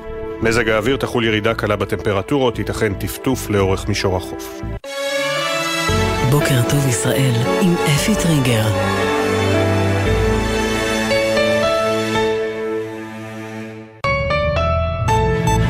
שבע ושש דקות, בוקר טוב ישראל. זה היה סוף שבוע של בשורות קשות. תסריטי אימה רבים התגשמו לנגד עינינו ב-71 ימי המלחמה שחלפו, אבל המציאות ממשיכה לספק אסונות נוספים, הפעם בדמות התקרית הנוראה, שבה חיילי צה"ל ירו למוות בשלושה חטופים בעקבות זיהוי שגוי. זה יכול היה להסתיים ממש אחרת. היינו יכולים לדווח הבוקר על חזרתם הביתה, ולשמוח למראה תמונות האיחוד המרגשות עם בני המשפחה. בשבוע האחרון משפחות שנלחמו ללא הפסקה בתקווה לפגוש שוב את יקיריהן קיבלו את הבשורה הנוראה מכל, ואלה שעדיין נאבקות מנסות להעלות את הטון בתקווה לפגוש את האהובים שלהן בריאים ושלימים. לפני uh, העדכונים uh, מהלחימה ועל תחקיר התקרית הקשה בשג'אעיה, הנה סיכום היממה החולפת בקולות. צה"ל ואני כמפקדו אחראים על מה שקרה ונעשה הכל בכדי למנוע הישנותם של מקרים כאלה בהמשך הלחימה. אסור לירות על מי שמרים דגל לבן ומבקש להיכנע. אז הטרגדיה אתמול רודפת אותי מחשבה אחת. מה היה קורה אילו רק היינו כל כך קרובים לחבק אותם עכשיו. אבל לצערי, אי אפשר להחזיר את הזמן לאחור. אני מתגעגע בטירוף לאבא שלי וגם לכל החברים מהקיבוץ שנשארו בעזה. אני רוצה להגיד לביבי שאני מאוד צריך את אבא שלי בבית. אני מחכה לו כדי לחגוג את הבר מצווה שלי. אני מקווה שהוא יחזור כמה שיותר מהר. חיילי צה"ל, אנחנו לא מאשימים אתכם בכלום. הלחימה לא תחזיר את החטופים, היא מסכנת את החטופים. רק השבוע התוודענו לכך שעשרה אנשים שנכנסו לעזה בחיים יחזרו בארון.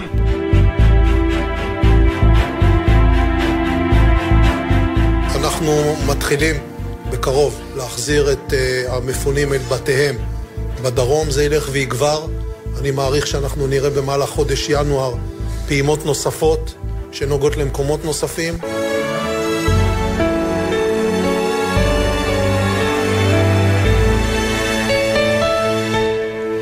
708 וכאמור הבוקר אנחנו מתבשרים על שני לוחמים במילואים שנפלו בשני קרבות שונים אתמול בצפון ובדרום הרצועה, עוד ארבעה פצועים קשה, כלל המשפחות עודכנו. שלום דורון קדוש, כתבנו לענייני צבא וביטחון. שלום אפי, כן, אז אלה שמות החללים שהודעה נמסרה לבני משפחותיהם לאחר שנפלו אתמול בקרבות ברצועה. רב סמל ראשון במילואים, יוסף אבנר דורן, בן 26 מירושלים, לחם במסגרת יחידת הניוד המבצעי ושירת כלוחם איסוף יהודי בשייטת 13. הוא נפל אתמול בצפון רצועת עזה כתוצאה מפיצוץ מטען. באותו אירוע נפצע קשה גם לוחם מילואים נוסף. stuff.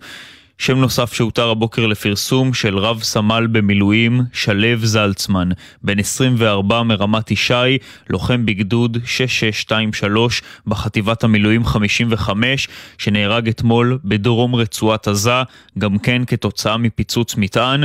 באותו אירוע אפי נפצעו באורח קשה קצין ושלושה לוחמים במילואים מאותו גדוד. מניין חללי צה"ל מתחילתו של התמרון הקרקעי ברצועה עולה הבוקר ל-120 והלחימה ברצועה נמשכת בכל המוקדים. ג'באליה בצפון הרצועה קרובה להכרעה, כך אומרים לנו גורמים ביטחוניים. ההערכות הן שנותרו שם מחבלים לא רבים. בשג'אעיה כוחות צה"ל השתלטו כבר על כל המפקדות והמוקדים המרכזיים של חמאס בשכונה, ובח'אן יונס יש עוד עבודה רבה מאוד, אבל הכוחות מחסלים מחבלים רבים. תודה דורון. תודה. נחזור אליך בהמשך עם הפקת הלקחים בעקבות הטרגדיה בשג'אעיה שלשום.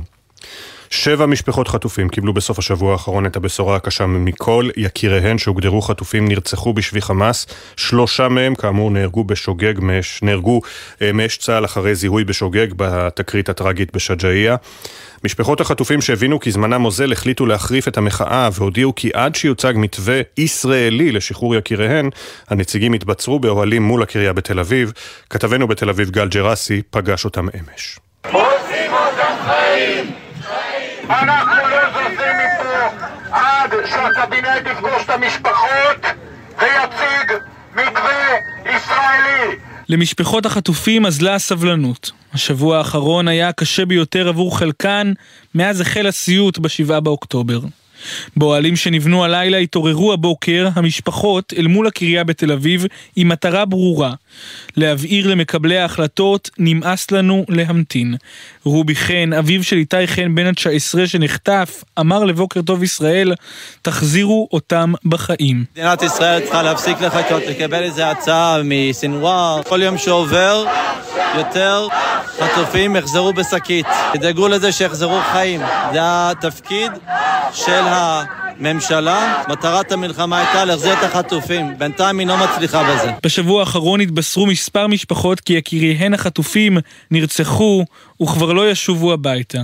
עם היוודע הטרגדיה ברצועת עזה, בה שלושה חטופים נורו למוות על ידי צה"ל עקב זיהוי שגוי, אלון שמריז, יותם חיים וסאמר אלטלאלקה זיכרונם לברכה, המשפחות כבר לא מסוגלות לשמוע חצאי תשובות. בעצרת השבועית בכיכר החטופים, אודי גורן, בן דודו של טל חיימי זיכרונו לברכה, שגופתו מוחזקת בידי חמאס, הבהיר על הבמה אוזל לנו הזמן. חיילי צה"ל, אנחנו לא מאשימים אתכם בכלום. הלחימה לא תחזיר את החטופים, היא מסכנת את החטופים. רק השבוע התוודענו לכך שעשרה אנשים שנכנסו לעזה בחיים יחזרו בארון. הזמן הורג את החטופים. כל רגע שעובר עשוי להיות האחרון שלהם. אלפים הגיעו לכיכר החטופים, לצד בני המשפחות נאמו גם אלו שהצטרפותם למאבק היא אולי המרגשת ביותר. החטופים ששבו הביתה, דניאל אלוני ששבה הביתה ביחד עם בתה אמיליה, הבהירה את הדחיפות להחזיר את כולם הביתה. נסו לדמיין יום אחד בחיי, שבו תשבו בין ארבעה קירות, מנותקים מהעולם, מפוחדים עד מוות, רעבים, אולי חולים ומיואשים, ועכשיו תדמיינו 71 ימים כאלו. 71 יום עברו מאז בני המשפחות דיברו עם יקיריהם בפעם האחרונה. עכשיו הם מרגישים כי אם ישראל לא תפעל במהרה, אנחנו לא נזכה לראות אותם שוב. פשוט נגמר הזמן, אנחנו לא רוצים שיעבור עוד שעה ובה יודיעו לנו על עוד אנשים שנהרגו שם. לא מוכנים יותר, די. ובעוד אלפים קראו אמש להשבת החטופים בעצרת השבועית ברחבת כיכר החטופים. בחדר צדדי כמה עשרות מתים משם, התכנס... מטרים משם, התכנסו שלוש נשים שחזרו מהשבי, יחד עם נציגי משפחות חטופים, לפגישה עם השרים, גלנט וגנץ, שר הביטחון והשר גנץ, כתבנו גל ג'רסי, אתה מביא לנו הבוקר ציטוטים מהפגישה. שלום אפי, משפחות החטופים דרשו להיפגש עם חברי קבינט המלחמה, לבסוף הם נפגשו רק עם שניים מהם, שר הביטחון יואב גלנט והשר בני גנץ. בפגישה נכחו נציגי המשפחות וגם שלוש נשים ששוחררו מהשבי, אגם גולדשטיין, דניאל אלוני ורז בן עמי. שלוש המשוחררות סיפרו את העדויות הקשות מנשוא מהזמן בשבי, שמדגישות את הדחיפות להביא את כולם הביתה. השר גנץ הבהיר, המלחמה נגד חמאס תארך זמן רב. קודם כל צריך להחזיר את החטופים, יהיה לנו זמן זמן להילחם בחמאס. נציגי המשפחות דרשו כי השניים יפעלו בקבינט המלחמה להעמיד כמה שיותר מהר מתווה ישראלי לעסקה. השר גלנט לא הגיב ישירות לדרישה, בעוד גנץ אמר זה בהחלט דבר שיכול לקרות. עוד אמר גנץ לגבי עסקה שבני המשפחות מקווים שתבשיל בקרוב, החזרת החטופים היא מעל הכל. לדעתי לא תהיה בעיה של מחיר אלא רק של יכולת להגיע לעסקה. גנץ הוסיף ואמר אני לא אשאר במקום בו יש יכולת לבצע עסקה, אך לא מבצעים אותה. במהלך החודשיים האחרונים המשפחות קיבלו כמה הבטחות לתקשורת טובה יותר בינם לבין מקבלי ההחלטות. גנץ וגלנט פנו למשפחות והבטיחו, מעתה נקיים עם בני המשפחות פגישות באופן אינטימי ולא בפורומים של מעל מאה אנשים. תודה, גל. אז uh, בעקבות uh, כל הדברים הללו, גם קבינט המלחמה התכנס uh, אמש לדיון נוסף, אחרי שראש המוסד דדי ברנע שב בסוף השבוע מפגישה עם ראש ממשלת קטאר, פגישה באירופה, יניר קוזין, כתבנו המדיני. Uh, לאן מועדות פני ישראל ואיפה מזהים את הקושי?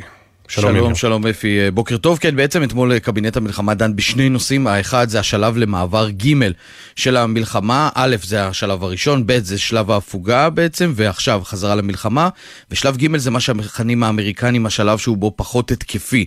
אז דנו גם בזה, אבל בעיקר דנו בנושא אה, אה, מתווה להשבת החטופים, כששם בעצם אה, ההחלטה הייתה שהקבינט ינסה לשדר כאן מסר אחיד, כלומר שלא יהיו אה, חילוקי הדעות שראינו. שמענו מקודם את... אה, יגאל את הציטוטים, גם של גנץ וגם של גלנט, אבל המסקנה היא שצריך לשדר כאן מסר אחיד, ובעצם מה עושים? אז בראש ובראשונה צריכים להחליט האם להציע מתווה לקטרים או לא להציע מתווה. הסיבה בכלל שדנים בזה, שהפגישה עם ראש המוסד אה, וראש ממשלת קטאר הביאה לכך שראש ממשלת קטאר אמר לראש המוסד, ישראל צריכה לעשות יותר מרק להראות נכונות כדי שהחמאס יזוז, כך ראש ממשלת קטאר לראש המוסד דדי ברנע. האפשרות הראשונה היא כמובן להציע כאן מתווה, אבל זה חייב להיות מתווה שובר שוויון, כלומר מתווה כזה שסינואר לא יוכל לסרב לו, גם אם זה כולל אסירים, מה שמכונה במרכאות כפולות ומכופלות, איכותיים. כאלה שסינואר יאמר, הצעה כזאת אני לא אוכל לסרב לה, כמובן שקשה להביא הצעה כזאת, אבל היא חייבת להיות ברמה שסינואר יהיה חייב לאשר אותה. האפשרות השנייה היא כמובן לא להציע הצעה. מחשש כזה, יש כאן גם סיכון mm-hmm. כמובן לחייהם של החטופים, אבל אפשרות אולי שזה גם יביא בסופו של דבר הלחץ לעסקה טובה יותר. ואתמול כאמור ראינו שוב את אה, השלישייה, ראש הממשלה, שר הביטחון והשר גנץ במסיבת עיתונאים. נדמה שהחריקות בין השר גנץ לראש הממשלה נתניהו הופכות יניר גלויות יותר ויותר.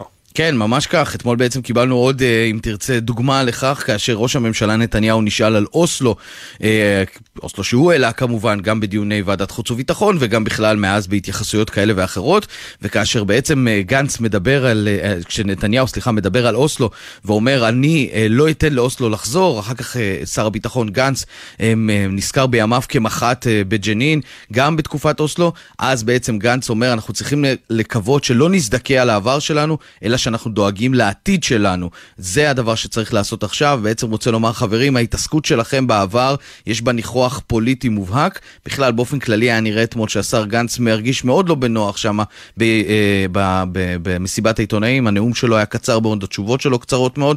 כנראה שהוא מאס בתדרוכים נגדו, mm-hmm. נגד אנשים שמקורבים לראש הממשלה, וקיבלנו עוד הצצה לכך שיש חריקות אכן גם בצמרת. תודה, יניר. תודה. בצה"ל כבר הספיקו לבצע תחקיר ראשוני לתקרית הזיהוי השגוי, השגוי שהוביל לירי למוות בשלושת החטופים. הרמטכ"ל, רב-אלוף הרצי הלוי, הבהיר אמש שהירי היה בניגוד להוראות הפתיחה באש. כתבנו לענייני צבא וביטחון דורון קדוש, חוזרים אליך. אילו לקחים הופקו עד כה מהתחקיר? כן, אפי, שוב שלום. אז המשימה של צה"ל עכשיו, אחרי הטרגדיה הנוראית הזו בשג'אעיה, היא להפיק במהירות את הלקחים, להעביר את המסרים לכל הכוחות בכל שטח הרצועה, ולוודא שבשום אופן אירוע כזה לא יחזור על עצמו, כי מדובר בתקרית שהייתה יכולה להימנע.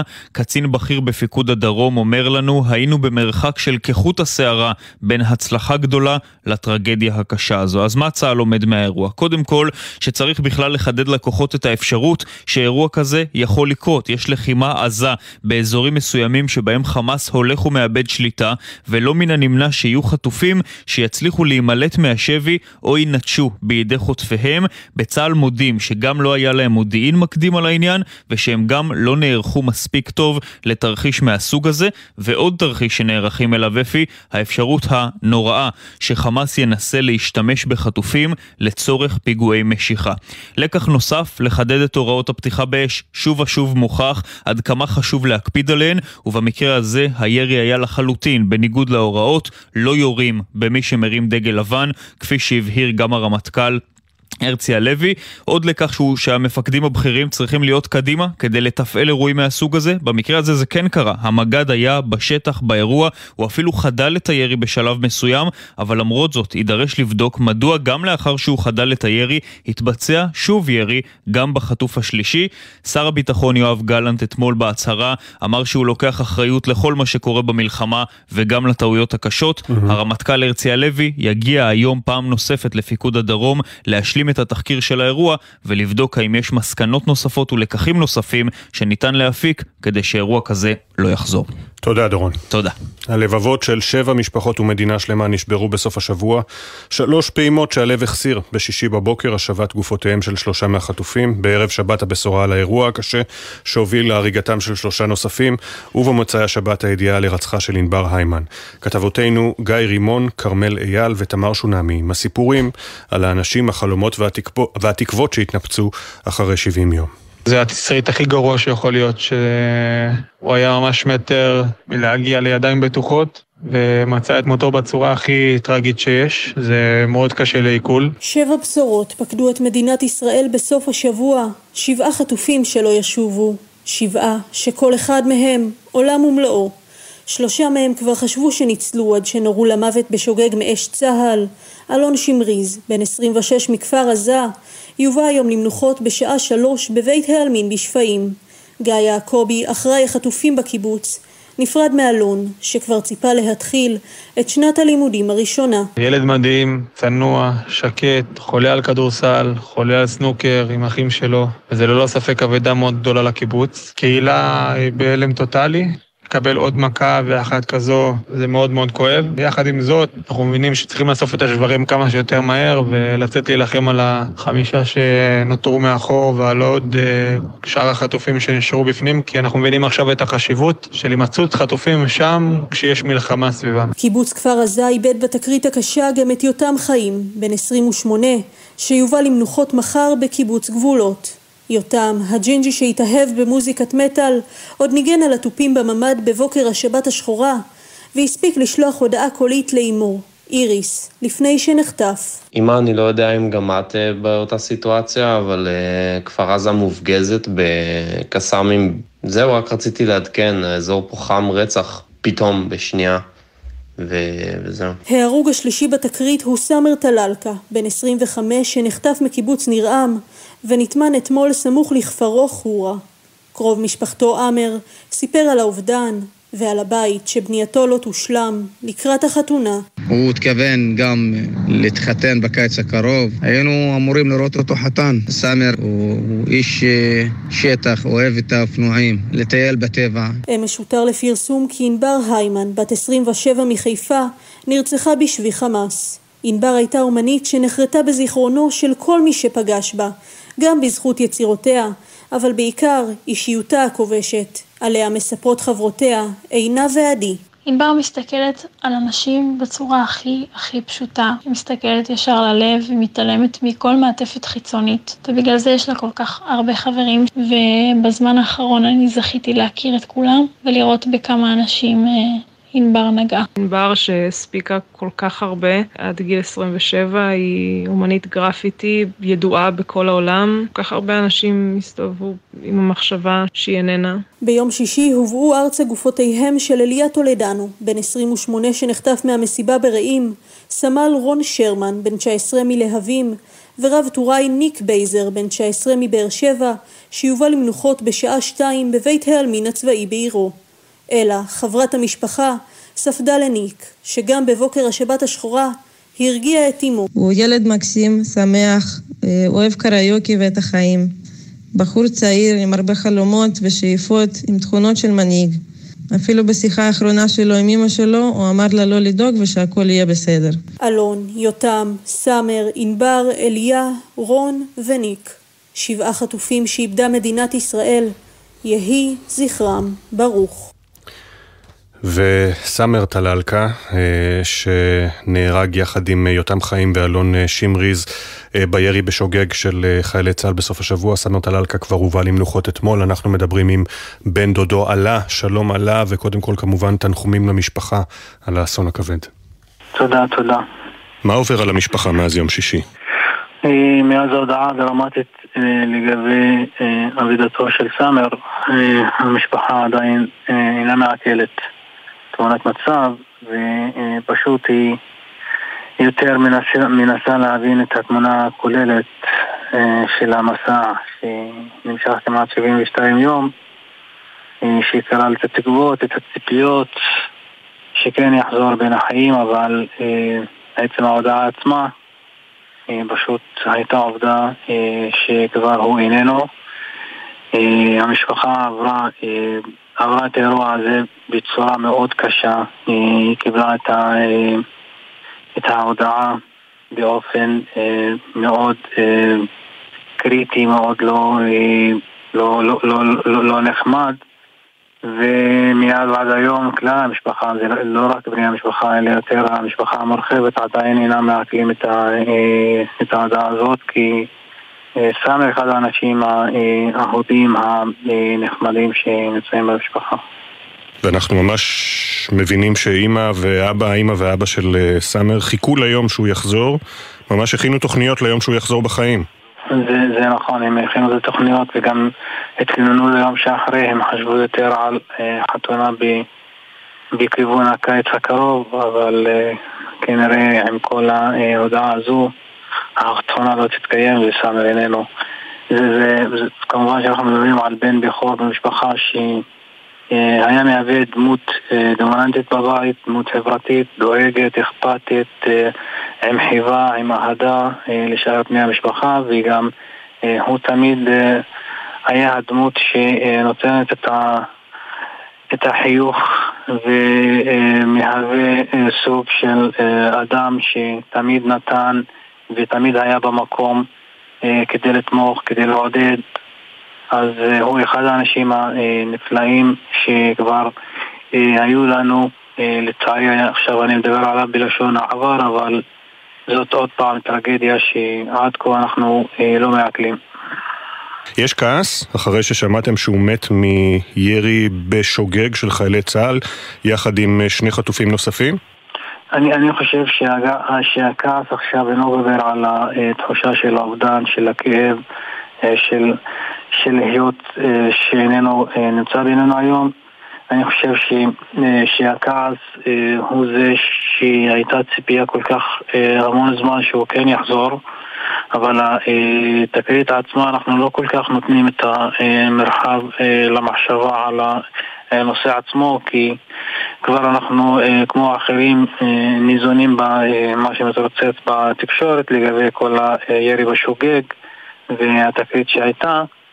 אה, אבל ברמת העיקרון אני חושב שכרגע אנחנו נמצאים בימי האבל וצריכים קודם כל לכבד את המת ולתת לו את הזכות גבוהה ואת זכות קבלת האחרים וגם מצד אחר גם לחבק את המשפחה בתקופה הזו ואני חושב שגם המשפחה כבר אה, תתחיל לעקוב אחרי כל האירוע הטרגי עצמו אבל אה, מצד אחר המשפחה אומרת שאנחנו כבר, התוצאה, מה שקרה, אם זה בשוגג, בטעות או אה, כל דבר אחר, התוצאה הייתה טרגית. איך עכשיו מנסים לנחם את האבא והאימא והמשפחה?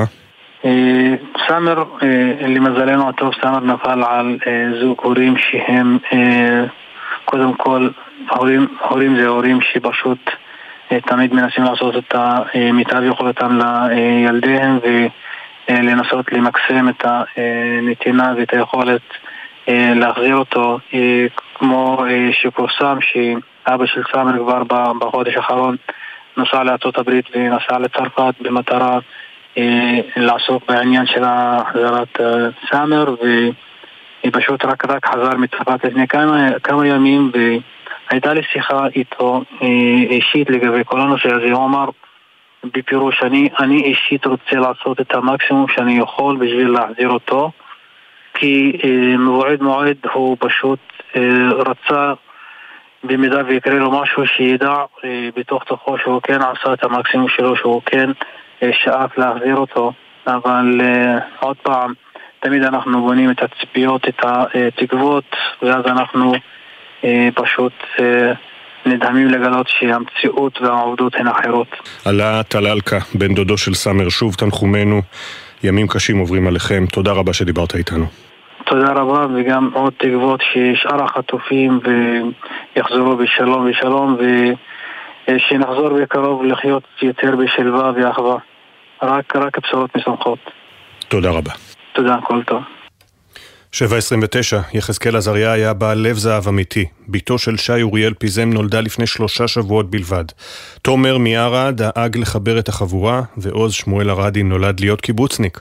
אבל הסיפורים של ארבעתם נגדעו באיבם כשנפלו בסוף השבוע, בהגנה על המולדת. פרידה מהגיבורים, הכתבה של אילי זילברברג. רב סמל בכיר במילואים יחזקאל עזריה, בן 53 מפתח תקווה, לוחם שריון בגדוד 129 בחטיבה 8, עבר מזמן את גיל המילואים, ובכל זאת הגיע לחזית ונפל אתמול בפעילות מבצעית במרחב מרגליות. שמוליק, חברו לעבודה במשך עשור וחצי, התגעגע לטוב הלב של עזריה. תמיד כשהיינו צריכים עזרה בכל דבר, הוא תמיד היה שם. עזר לכולם, גם אם זה היה יוצא בסוף על חשבונו. אין כזה דבר אצלו שהיה אומר לו, אוהב את המשפחה שלו, כל הזמן מדבר על המשפחה שלו, על אשתו והילדים. הדבק בחבורת הנעורים של רב סמל ראשון במילואים, תומר שלמה מיארה, בן 28 מנתניה, לוחם בגדוד ההנדסה 710 בעוצבת ראם, שנפל בקרב בצפון רצועת עזה שלשום, היה תומר עצמו. אביו חברו כבר לא יוכל לשבת עם תומר לקפה שקבעו. בן אדם בלי גרם אחד של רוע בגוף, תמיד מחייך, תמיד אופטימי, אכפת לו כל כך מהחברים שלו. כל הדאגות שהיו לך, אתה מדבר עם הבן אדם והוא יודע מה להגיד, והוא יודע איך להצחיק, והוא יודע להגיד את, ה, את המילה הנכונה. בתמונה של הרב סמל במילואים שי אוריאל פיזם, בן 23 מקיבוץ עין הנציב, מפקד טנק בגדוד 9 בעוצבת תקוות הברזל שנפל ביום שישי בקרב בדרום רצועת עזה, רואים אותו מחזיק תינוקת קטנה. בתו ירדן, שנולדה לפני שלושה שבועות, וכבר לא תזכה להכיר את אבא שי שנטמן אמש בעין הנציב. הרב אמנון בזק, רם בישיבת ההסדר הר עציון בה שי למד, נפרד ממנו. שי היה דמות נערצת בחייו בכל מקום שהוא הגיע. הוא היה מוביל חברתי, היה בו שילוב מיוחד של בחור אה, מוכשר ביותר, רציני מאוד, מצד אחד, ומצד שני, הבחור הכי מצחיק בקבוצה החברתית שלו. סמל עוז שמואל ארדי, בן 19 מחצור, לוחם בגדוד ההנדסה 603 בעוצבת סער מגולן, נפל בקרב בדרום רצועת עזה ביום חמישי. עוז שהובא למנוחות שלשום בחצור, היה קיבוצניק בכל רמ"ח איבריו, בניסיון, באופי ובלב, מספרת דודתו נעמי. הוא היה ילד השדה, נולד עם הגה של טרקטור ביד. הוא הקיף את עצמו בהמון חברים, היה כל כך מיוחד ונדיר, הייתה לו אהבה גדולה לאדמה, לטבע, לאנשים. גיבורים שהלכו מאיתנו מוקדם מדי. מצטרף אלינו יוסי כהן, לשעבר ראש המוסד, שלום לך, בוקר טוב. שלום אפי, בוקר טוב. אה, אנחנו שומעים כמובן את הסיפורים הללו, גם את הטרגדיה בשג'אעיה שלשום, אה, ודווחנו על כך שמחליפך בתפקיד אה, דדי ברנע נפגש עם ראש ממשלת קטאר בסוף השבוע באירופה. האם זו העת לעסקה שישראל תציג כמו שדורשות משפחות החטופים, לדעתך? אני חושב שצריך קודם כל להתחיל בלהביע תנחומים אה, לכל אה, משפחות אה, הנופלים. אנחנו עוברים ימים מטבע הדברים מאוד מאוד קשים, מורכבים לכולנו, הפתעות מאוד לא נעימות בשדה הקרב. אני יודע שכל הנושא הזה נמצא גבוה מאוד בתודעה ובכותרות, ולכן אני חושב, אם להמשיך מכאן בקשר ישיר לשאלה שלך, אפי, שהרי המאמץ להשבת החטופים חייב להיות אה, בדרגה אה, מאוד מאוד גבוהה, בסמוך מאוד אה, לדרגה המבצעית, אותה כמובן צריך להשלים. ולכן כל מאמץ ראוי בכל עת, בכל רגע, כדי להביא את כל החטופים והחטופות הביתה. כולל מאמץ מבצעי מלחמתי? חד משמעי, אני חושב שללא המאמץ המלחמתי המתואר, ואנחנו מכירים אותו, כל בנינו ובנותינו נמצאים סביב העניין הזה במאמץ אה, גדול מאוד כדי להביא אה, לתוצאה כפולה. האחת היא באמת למגר את יכולות החמאס הצבאיות, כפי שהגדיר קבינט המלחמה. והדבר השני הוא להשיב את כל חטופינו הביתה. אני מאמין באמונה שלמה שללא המאמץ הקרקעי לא הייתה מתרקמת עסקת חטופים כלשהי בעבר וגם לא זאת שמייחלים אליה בעתיד. ולגבי uh, המעורבות של קטאר ומצרים, האם אולי uh, אחרי uh, המעורבות של קטאר בעסקה הראשונה כדאי לשלב יותר את המצרים? המצרים משולבים. Uh, יש כאן uh, מהיום הראשון, uh, גם עוד בימים שבהם uh, ייעצתי בנושא הזה למי שעסק בו, אה, טענתי, ואני חושב שהטענה הזאת ממשיכה להתחזק אה, מאוד חזק גם בתודעה וגם בפרקטיקה שלנו. יש כאן בפועל, למעט ארצות הברית, שהיא מאוד מאוד בצד שלנו ומאוד לוחצת ותומכת בעסקאות נוספות, יש כאן בעצם שתי מתווכות אפקטיביות, איתן אנחנו חייבים להמשיך לעבוד ברצף כל הזמן. אה, אחת מהן היא קטר, השנייה היא מצרים, לא לפי סדר חשיבותן אני אומר. גם המצרים וגם הקטרים, שאני מכיר אותם טוב, אני מכיר את האנשים אה, שארגוני הביטחון אה, פוגשים משני אה, קצות המדינות האלה. הם אנשים שרוצים להגיע לעסקה ולמיטב הבנתי וידיעותיי יתמכו בלקדם עסקאות נוספות. מה אתה אומר אבל למשפחות החטופים, שנציגים שלהן ישנו הלילה אה, מול הקריה, ואתה כמובן גם אה, מכיר אותם ממטה המשפחות, אתה מסייע שם, והם דורשים לא לחכות להצעה חדשה מקטאר, אלא שאנחנו נניח הצעה על השולחן, נגיד לחמאס כך וכך. קודם כל אני מסכים עם הגישה הפרואקטיבית של משפחות החטופים, וציינת בצדק, אפי, שאני בקשר עם משפחות החטופים, גם הלילה הייתי בקשר אה, עם המשפחות, אה, בחלקן. חלקן של המשפחות אה, נמצא במצב אה, אה, מתוח אה, שאין לתאר, אני לא בעצם מכיר משפחה שלא נמצאת במצב כזה, אה, אלא שהגישות גם אה, מבין בני המשפחות הן גישות שונות. אני חושב שישראל צריכה לאמץ אה, גישה פרואקטיבית מאוד, כזאת שתוביל בסיכומו של דבר לעסקה. כל הדרכים נכונות כדי להשיגה. אה, לפחות כדי לעורר את המשא ומתן. אני לא אה, מכיר את הפרטים ולכן אני לא יודע עד הסוף לטעון מה בפועל חמאס יבקש בתמורה או הג'יהאד האיסלאמי יבקש בתמורה, אבל אין ספק שמדינת ישראל צריכה כל העת לעורר את העניין הזה, לעורר את השיח הזה, אה, ללחוץ גם בארץ, גם בזירה הבינלאומית, כדי להגיע לעסקה וכמה שיותר מהר כן ייטב, כי הרי שאנחנו יודעים את מצבם של החטופים, איך זה נראה מצד רצועת עזה פנימה, איך נראים התנאים הלא פשוטים שהחטופים והחטופות שלנו מוחזקים. אמ, אנשים ללא תרופות, הצלב האדום עושה את אה, עבודתו בצורה אה, מאוד לא מעוררת גאווה. אה, ארגוני בינלאו, ארגונים בינלאומיים אחרים לא בהכרח תומכים בכיוונים שאנחנו רוצים. האו"ם לא נמצא שם בצורה עצומה או מרשימה יותר מדי, ולכן אני מאמין שעבודת המשפחות צודקת. אה, ונכונה, אה, וגם הפעולה הפרואקטיבית של מדינת ישראל, כן. היה ואכן הדיווחים נכונים, היא בוודאי אה, נכונה מאוד. לא צריך להמתין באופן פסיבי שמישהו יציע לנו עסקה, וכמובן הלחץ המבצעי הצבאי הוא, הוא דבר לדעתי שיוצר יותר מכל אה, את התנאים לעסקה עתידית. ראש הממשלה שב וחזר אתמול על כך שהרשות הפלסטינית לא תהיה בעזה ביום שאחרי, וזה בעצם התנגשות חזיתית עם ארצות הברית, שגם מתחילה לאותת לנו על פי הדיווחים הגלויים, המודיעין הגלוי כמו שאומרים, שהזמן הולך ומתקצר בעזה. אה, האם זה נכון בעת הזו ככה לדבר בצורה כל כך ברורה על מה לא, אבל בלי להגיד מה כן? אני חושב שהדיון על היום שאחרי חייב להתקיים. אני חושב שהדיון של היום שאחרי, היומיים שאחרי, הוא דיון אה, קריטי שקשור מאוד מאוד עם ביטחוננו. אה, הטענות אה, לפיהן אה, הברית נמצאת אה, בלחץ אה, עלינו כרגע על טיימרים מסוימים, על שעוני זמן כאלה ואחרים שאני לא מכיר אותם, רואה לי טענות מעט, אה, מעט מוקצנות. במלחמה כמו במלחמה, אה, כולנו לצערנו מכירים את מלחמות העבר וגם את המלחמה בהווה. אי אפשר להגדיר מראש מתי המלחמה נגמרת, אתה בהכרח יודע מתי היא מתחילה ואתה לא יודע מתי היא נגמרת. ולכן אני מתקשה לראות שהממשל האמריקאי, שאת כל שחקניו אני מכיר אישית היטב, נמצא במקום ששם לנו איזשהו גבול, אה, לוחות זמני, ואומר עד תאריך כזה וכזה חייבים לסיים את המלחמה. אין לי ספק שארצות הברית, כמו ארצות הברית, יש לה את המדיניות המוכרת שלה, במיוחד uh, בממשל. אבל לפי מה שדווח, הם אמרו את זה, הם אמרו שיש לנו עוד כמה שבועות עד ינואר. כן, אבל אני לא יכול, אה, לא יכול להגיד שזאת אמירה שנאמרת באופן נחרץ, ואחריה אנחנו מעבירים את המלחמה לפארקינג וחוזרים לאחור. נדמה לי שהמצב הזה הוא הרבה יותר מורכב, וכאמור הוא מאוד מאוד תלוי בהתפתחויות שאנחנו נראה פיזית בשטח. יכולים להיות מצבי סיום mm-hmm.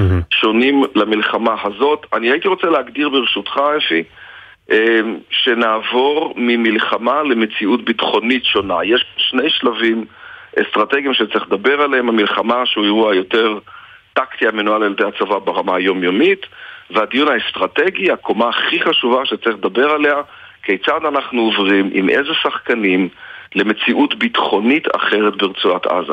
כן. ולי אין ספק שצריך לייצר את האלטרנטיבות האלה, לטעון טענות אה, חד משמעיות של מי כן ומי לא, בעת הנוכחית, אה, לדעתי, אה, אולי מצביע על חוסר דיון בנושא, אולי מצביע על כוונות בנושא, אני חושב שצריך כרגע לשמור המון אופציות על השולחן כדי להגיע רק למטרה אחת, אחרי שמיגרנו את היכולות הצבאיות של החמאס, והיא שיישובינו בטוחים וכל תושביהם יכולים לחזור לבתיהם בשלום, כולל לשלוח את uh, הילדים לגנים ולבתי הספר. Uh, בסוף השבוע פורסם בניו יורק טיימס התחקיר על כך שכבר ב-2018 המודיעין uh, עלה על קרן ההשקעות ששימשה את חמאס, בין היתר לטענת התחקיר גם בסופו של דבר הניחה את התשתית הכלכלית לפעולת ה-7 באוקטובר ושימשה אותו לחיזוק וביצור המנהרות.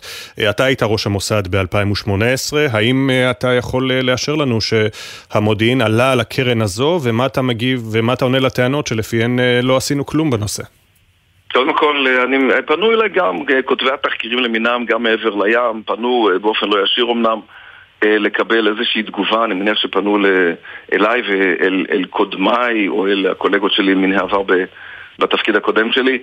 אנחנו עבדנו באופן מאוד מאוד מאומץ, גם בימיי בארגון, כדי להבין ולהשיג את מקורות המימון מידע על מקורות המימון של חמאס, ולא זאת, אלא אה, הרבה מעבר לכך. עסקנו, ואני לא אפרט את זה כאן ברשותך, אה, כדי... אז זה לא נכון כשאומרים שלא נגענו בקרן הזאת? ממש לא נכון. נעשו פעולות גם במישור הכלכלי. נעשו פעולות הרבה מעבר למישור הכלכלי, זה פעולות חשאיות שעסקנו בהן ועסקנו בהן לאורך כל הדרך. גם אותו ארגון, דרך אגב, מצוין שם ב... לא ראיתי את הכל כמובן, אבל מצוין שם בחווה איזשהו ארגון שלכאורה אה, פורק או לא פורק, הוא עבר מאחריות אה, ארגון אחד לאחריות ארגון אחר. אה, המוסד בתוך כל מערכת הביטחון, עם משרד הביטחון, עבדה באופן מאוד מאוד מאומץ כדי לסכל ולגדוע בעצם את כל היכולות הפיננסיות של ארגוני הטרור הפועלים בישראל, מאמץ שלא ממש הצליח. מאמץ שהצליח בחלקו. בחלקו. מאמץ שהצליח בחלקו. חלקו למה החלטת כמובן... לפרק את יחידת צלצל? לא פירקתי את יחידת צלצל, היא הועברה למשרד הביטחון. למה? כי זה היה הדבר הנכון, אנחנו עשינו את העבודה החשאית, צלצל פעלה באופן אחר, ואת השיקולים להעברתה אנחנו נדבר עליהם בהמשך הדרך. אוקיי. היא לא פורקה. אה, האם אתה אה, בדרך לפוליטיקה, יוסי כהן? עדיין לא, אפי. עדיין לא החלטתי, אני חושב שהדיון הזה בשולי כל מה שדיברנו עליו הבוקר הוא דיון אה, מוקדם מדי. אה, אבל אחרי שבעה באוקטובר אתה מרגיש בעיני. שיש לך מקום ליד שולחן קבלת ההחלטות כדי שדברים יתנהלו אחרת? אני חשבתי גם בשבעה באוקטובר שיש לי מקום אה, ליד תהליך קבלת... ליד שולחן תהליך קבלת ההחלטות ולכן התנדבתי בכל מאודי כדי לתת מכל מה שאני יכול לתת למדינת ישראל ולקברניטיה את כל מה שאני יודע בזירה הלאומית ובעיקר בזירה הבינלאומית, בזירה הבין-ערבית אתה יודע, ולא על פי פרסומים זרים, עסקתי בזה. עסקתי בזה כדי לגבש, לנסות לגבש רעיונות נוספים, בעיקר על האנד כן. כמו שדיברת עליו, בעיקר לפעולה האסטרטגית של היום שאחרי. אמ, וכן, חשבתי שאני יכול אה, לתרום כמיטב אה, מרצי והיכולת אה, לכל המאמץ הגדול והמורכב הזה. ומישהו אחר חשב שלא צריך את עזרתך כרגע. אולי אפשר לפנות אליו. זה ראש הממשלה. אני לא יודע, אתה אמרת מישהו. הוא בראש הפירמידה. אני לא רוצה להתייחס לדברים ש... שבינו. אוקיי. לבין עצמו. יוסי כהן, לשעבר ראש המוסד, תודה רבה לך על הדברים. תודה רבה לך, אפי. תודה. תודה. 7.43 הכותרות. הבוקר הותרו לפרסום שמותיהם של שני חללי צה"ל, הודעות נמסרו למשפחותיהם. רב סמל ראשון במילואים יוסף אבנר דורן, בן 26 מירושלים, לחם במסגרת יחידת הניוד המבצעי ושירת כלוחם איסוף ייעודי בשייטת 13, הוא נפל אתמול בקרב בצפון רצועת עזה. רב סמל במילואים שלו זלצמן, בן 24 מרמת ישי, לוחם בגדוד 6623 עוצבת חוד החנית, נפל אתמול בקרב בדרום הרצועה, הוא יובא למנוחות בשלוש אחר הצהריים בבית העלמין ברמת ישי. לוחם במילואים ביחידת יחידת הניוד המבצעי נפצע אתמול קשה בקרב בצפון הרצועה. קצין ושלושה לוחמים במילואים בגדוד, בגדוד 6623 נפצעו קשה בקרב בדרום. כלל המשפחות של הפצועים עודכנו גם כן. בתוך כך, כוחות הביטחון פועלים זה כשבע שעות במבצע לסיכול טרור במחנה הפליטים נור א-שמס שבטול כרם. היום uh, הקיפאון במשא ומתן להשבת החטופים. ראש המוסד, דדי ברנע, שב בסוף השבוע מפגישה עם ראש ממשלת קטאר, שלפי שעה לא הניבה התקדמות. בריאיון לבוקר טוב ישראל אומר יוסי כהן, לשעבר ראש המוסד, תחקיר הניו יורק טיימס על כך שלא פעלנו כלכלית מול חמאס אינו נכון, וגם קורא להתנאה אקטיבית של עסקת חטופים שתציג הממשלה לחמאס. המאמץ להשבת החטופים חייב להיות בסמוך מאוד אה, לדרגה המבצעית. ללא המאמץ הקרקעי אה, לא הייתה מתרקמת אה, עסקת חטופים כלשהי בעבר, וגם לא זאת שמייחלים אליה בעתיד. עדכוני תנועה, איילון צפון העמוס מיוספטל עד מחלף השלום, כביש 6 דרום העמוס מעירון עד מחלף אייל, כביש גאה צפון העמוס מגן רבי עד גבעת שמואל, בכביש 531 היציאה במחלף שמריהו, מזרח לאיילון דרום העמוסה לבאים ממחלף רעננה הרצליה בגלל תאונת דרכים. מזג האוויר ירידה קלה בטמפרטורות, ייתכן טפטוף לאורך מישור החוף, יוצאים להפסקה ומיד חוזרים, בוקר טוב ישראל.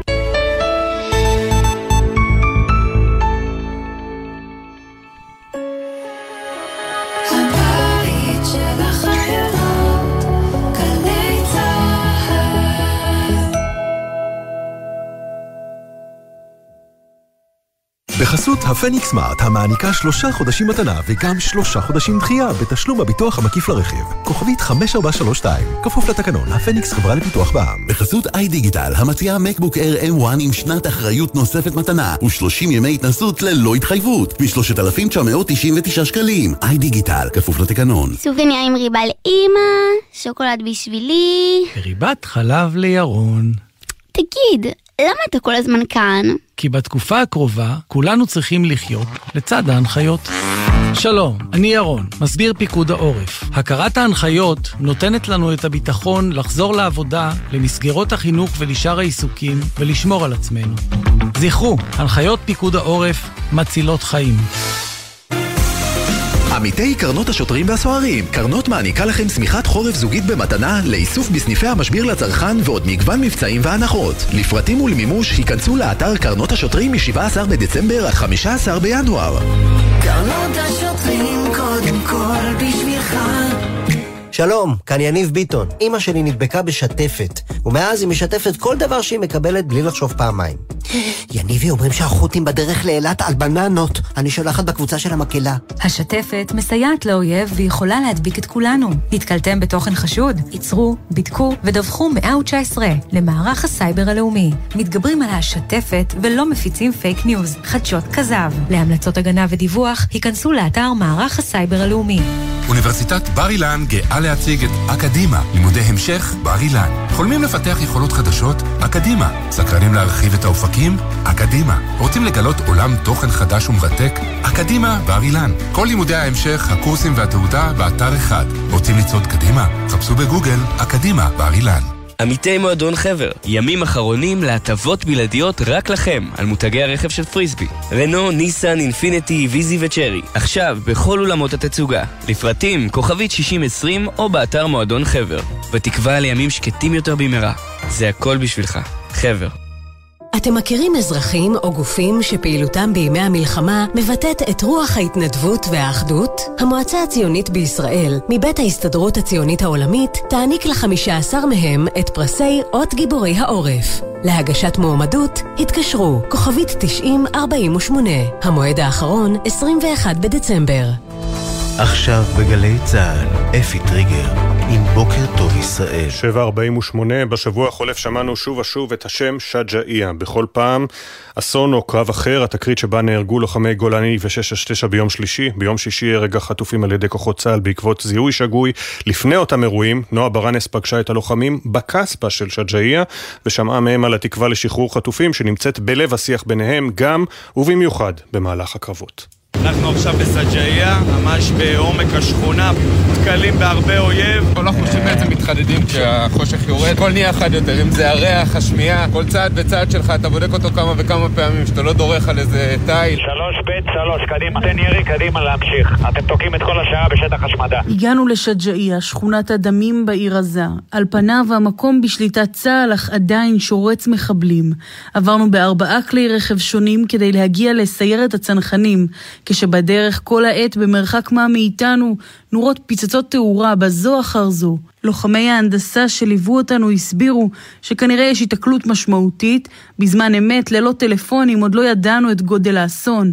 התקרית בה נהרגו תשעה לוחמי וקציני גולני ו-669. ואחר כך עוד אסון, בשישי, הרג החטופים בשוגג, הכל באותה שכונה.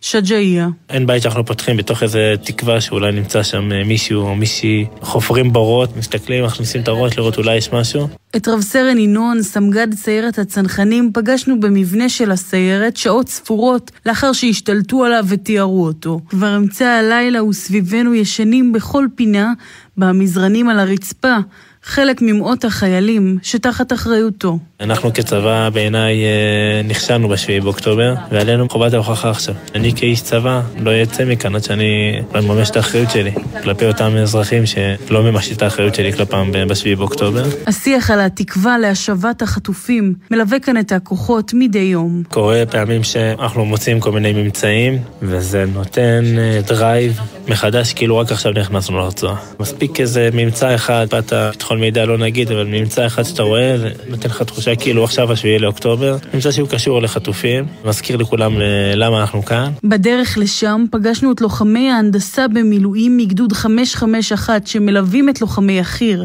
הם סיפרו שהם מצאו והשמידו בשבועות האחרונים לא מעט פירי מנהרות, אמצעי לחימה, אפילו קלצ'ניקוב שהונח במרכז כיתה בבית ספר, כזה שלהערכתם לימדו באמצעותו את הילדים כיצד לירות. לצוות חשוב שנכיר את אחד הלוחמים, חושן. יש לו שתי חברים שהם שבויים מהמסיבה ברעים, והוא הכי חדור פה למשימה, ובעזרת השם, כל המשימה הזאת גם שישתחררו החטופים, ויש לנו פינה חמה בלב לחטופים של חושן, גם חושבים עליהם המון. הנה יוצא צבחה ברחובותינו, אשרי עם שככה שאדוני אלוהיו. ראשי רשויות מקומיות בדרום הארץ קיבלו בסוף השבוע בתדהמה מסמך מצה"ל שבו הוצע מתווה לחזרה לחלק מהיישובים שפונו. במכתב חוזר הם טענו כי התשתיות הביטחוניות והאזרחיות רחוקות מלהיות מוכנות לכך, ודובר צה"ל מיהר להבהיר מדובר בטיוטה כחלק משיח שמתקיים בנושא, ובשלב זה אין שינוי במעמד המפונים. שלום כתבנו בדרום רמי שני. בוקר טוב אפי, המכתב המדובר הוא בעצם בקשת התייחסות ראשי היישובים למתווה היערכות לקראת צמצום השטח עליו חל צו שטח צבאי סגור המגביל את התנועה במרחב. אבל ביישובים ראו בכך ניסיון להפעיל עליהם לחץ להתחיל לתכנן את החזרה לעוטף. את זאת ניסחו ראשי המועצות בתשובה לצה"ל. המסמך מתעלם לחלוטין מן המציאות הביטחונית השוררת באזור, ועדיין לא נשמעה אמירה ברורה של הצבא בדבר שלילה מוחלטת של איומי החדירה ליישובים, כתבו ראשי המועצות והוסיפו אין עדיין השלמה של כל מרכיבי הביטחון ושל הצרכים החיוניים להבטחת החזרה ליישובים. אנו דורשים המשך הלחימה עד להסרת כל האיומים מהאזור ולא נסכים לקבל אמירות כלליות שאין בהן כדי להבטיח את שלום התושבים וביטחונם. על המכתב חתומים ראשי המועצות האזוריות אשכול, שער הנגב, שדות נגב וחוף אשקלון. לדברים האלו נשמעו אמש שתי התייחסויות. שר הביטחון יואב גלנט אמר במסיבת העיתונאים עם ראש הממשלה ועם השר גנץ, כי בקרוב תתחיל פעולה של החזרת התושבים לאזור. זאת משום הירידה המשמעותית ביכולת השיגור של הרקטות מהרצועה וכי הגזרה תהיה יותר בטוחה. מדובר צה"ל נמסר כי אין החלטה רשמית של הצבא להחזרת היישובים והמסמך אינו משקף את המתווה המתוכנן אלא זו טיוטה שהועברה לעיון והתייחסות ראשי הרשויות כחלק מהשיח השוטף שצה"ל מקיים עמם במטרה לצמצם את היקף השטח המוגבל בתנועה. עוד נאמר כי אין כל שינוי במעמד המפונים והטיפול בהם. תודה רמי. עכשיו אל אה, הסערה בעולם הספנות בעקבות המורדים החות'ים. עינב קרנר, שלום. שלום אפי ובוקר טוב, אכן שלוש חברות ספנות מהגדולות בעולם הודיעו על הפסקת פעילותן בים סוף, זאת בעקבות החשש מטרור החות'ים באזור ופגיעה בספינות מסע ומסחר. שלוש החברות הן מרסק הדנית, CMA הצרפתית והפגלויד הגרמנית. החלטות החברות עלולות להוביל לתוספת של אלפי קילומטרים למסחר בין המזרח לאירופה וישראל. המשמעות אפי תוספת של כשלושת אלפים שקלים לכל מכולה, עלייה של עשרות אחוזים שלבסוף תשפיע גם על כיסם של הצרכנים. בנוסף, אפי צפוי גם עיכוב משמעותי באספקת הסחורות. טיקו גדות ממלא מקום מנכ"ל חברת נמלי ישראל. קורא לפתרון חוצי יבשות. כי יחול עיכוב בהגעת סחורות עקב הארכת המסע ועלות ההובלה תתייקר. הבעיה הופכת להיות גלובלית שכן תשפיע על השוק האירופאי באותה מידה ולכן הפתרון חייב להיות ברמת התנהלות של מדינות. החשש אפי שעוד חברות ספנות תבטלנה את פעילותן בים סוף. צעד נוסף ששוקלים הוא לא להגיע לנמלים בארץ, אלא באמצעות עגינת ביניים.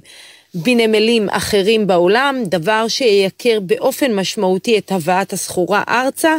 כרגע אין מחסור במלאים המאוחסנים במדינה, אבל במדינה בה 80% מהסחורה מגיעה דרך הים, מדובר בחשש אמיתי. תודה עינב.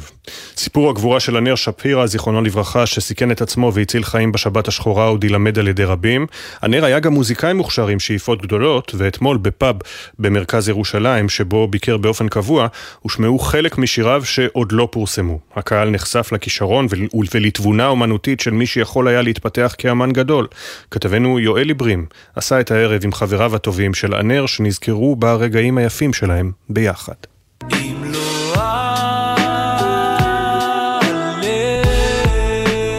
אין כמעט ישראלי שלא מכיר את סיפור גבורתו המפעים של הנר שפירא, שהצליח להציל צעירים רבים שהתחבאו במיגונית בשטח מסיבת הטבע, ולבסוף נרצח. סיפור גבורתו מוכר, קולו של הנר פחות, ולהנר זיכרונו לברכה מוזיקאי בחסד ללא ספק, היה קול.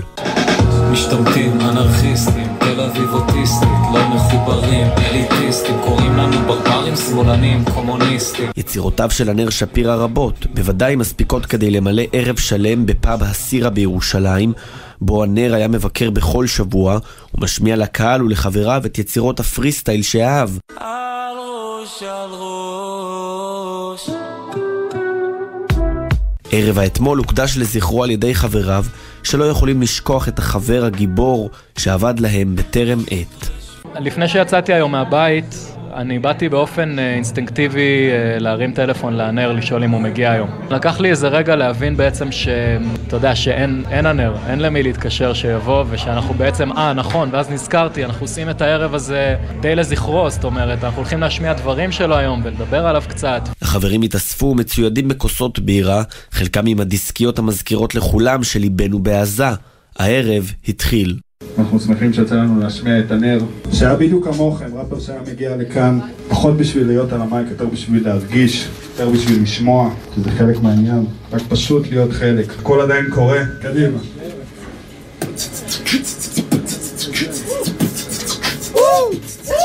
באמצע האירוע, עדש בדש, חברו של הנר לבמה, מתרגש, ביקש לזוז הצידה, נזכר יחד איתנו בהנר.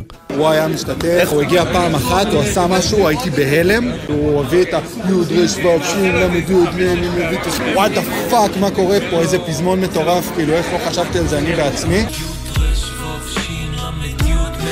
חבריו של שפירא מאבדים כעת את יצירותיו הרבות, ובהמשך מתכננים הם להוציא אלבום שלם, עשיר ומלא חיים, בדיוק כמו כישרונו הגדול.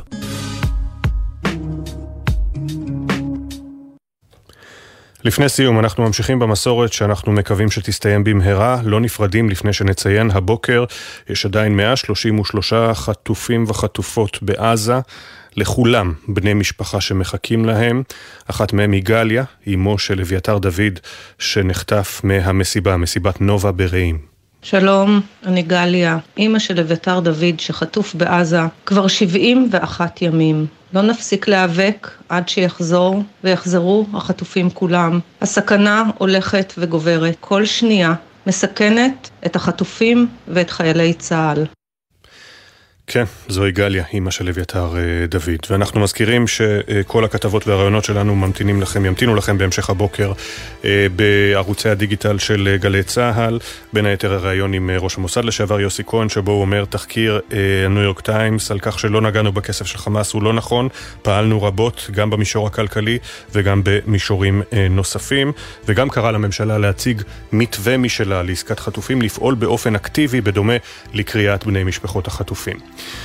העורך הראשי של בוקר טוב ישראל הוא שרון קינן, עורכת המשנה טל אור מאירסון, הפיקה שני שטיבלמן, לצידה אורי שילה, על הביצוע הטכני אחינועם ויינברג וזיו עיני, בפיקוח הטכני אילן גביש, עורכת הדיגיטל הדר ברלין, תודה גם למשה טורקיה. בני משפחות שרוצים להשתתף במיזם מאחורי השמות, אה, מוזמנים לשלוח לנו סיפור או חוויה אישית למייל זיכרון שטרודל glz.co.il, זיכרון עם K, אחרינו יניר קוזין וספי עובדיה, אנחנו ניפגש שוב מחר ב-6 בבוקר. עוד יבואו ימים טובים יותר. בוקר טוב ישראל.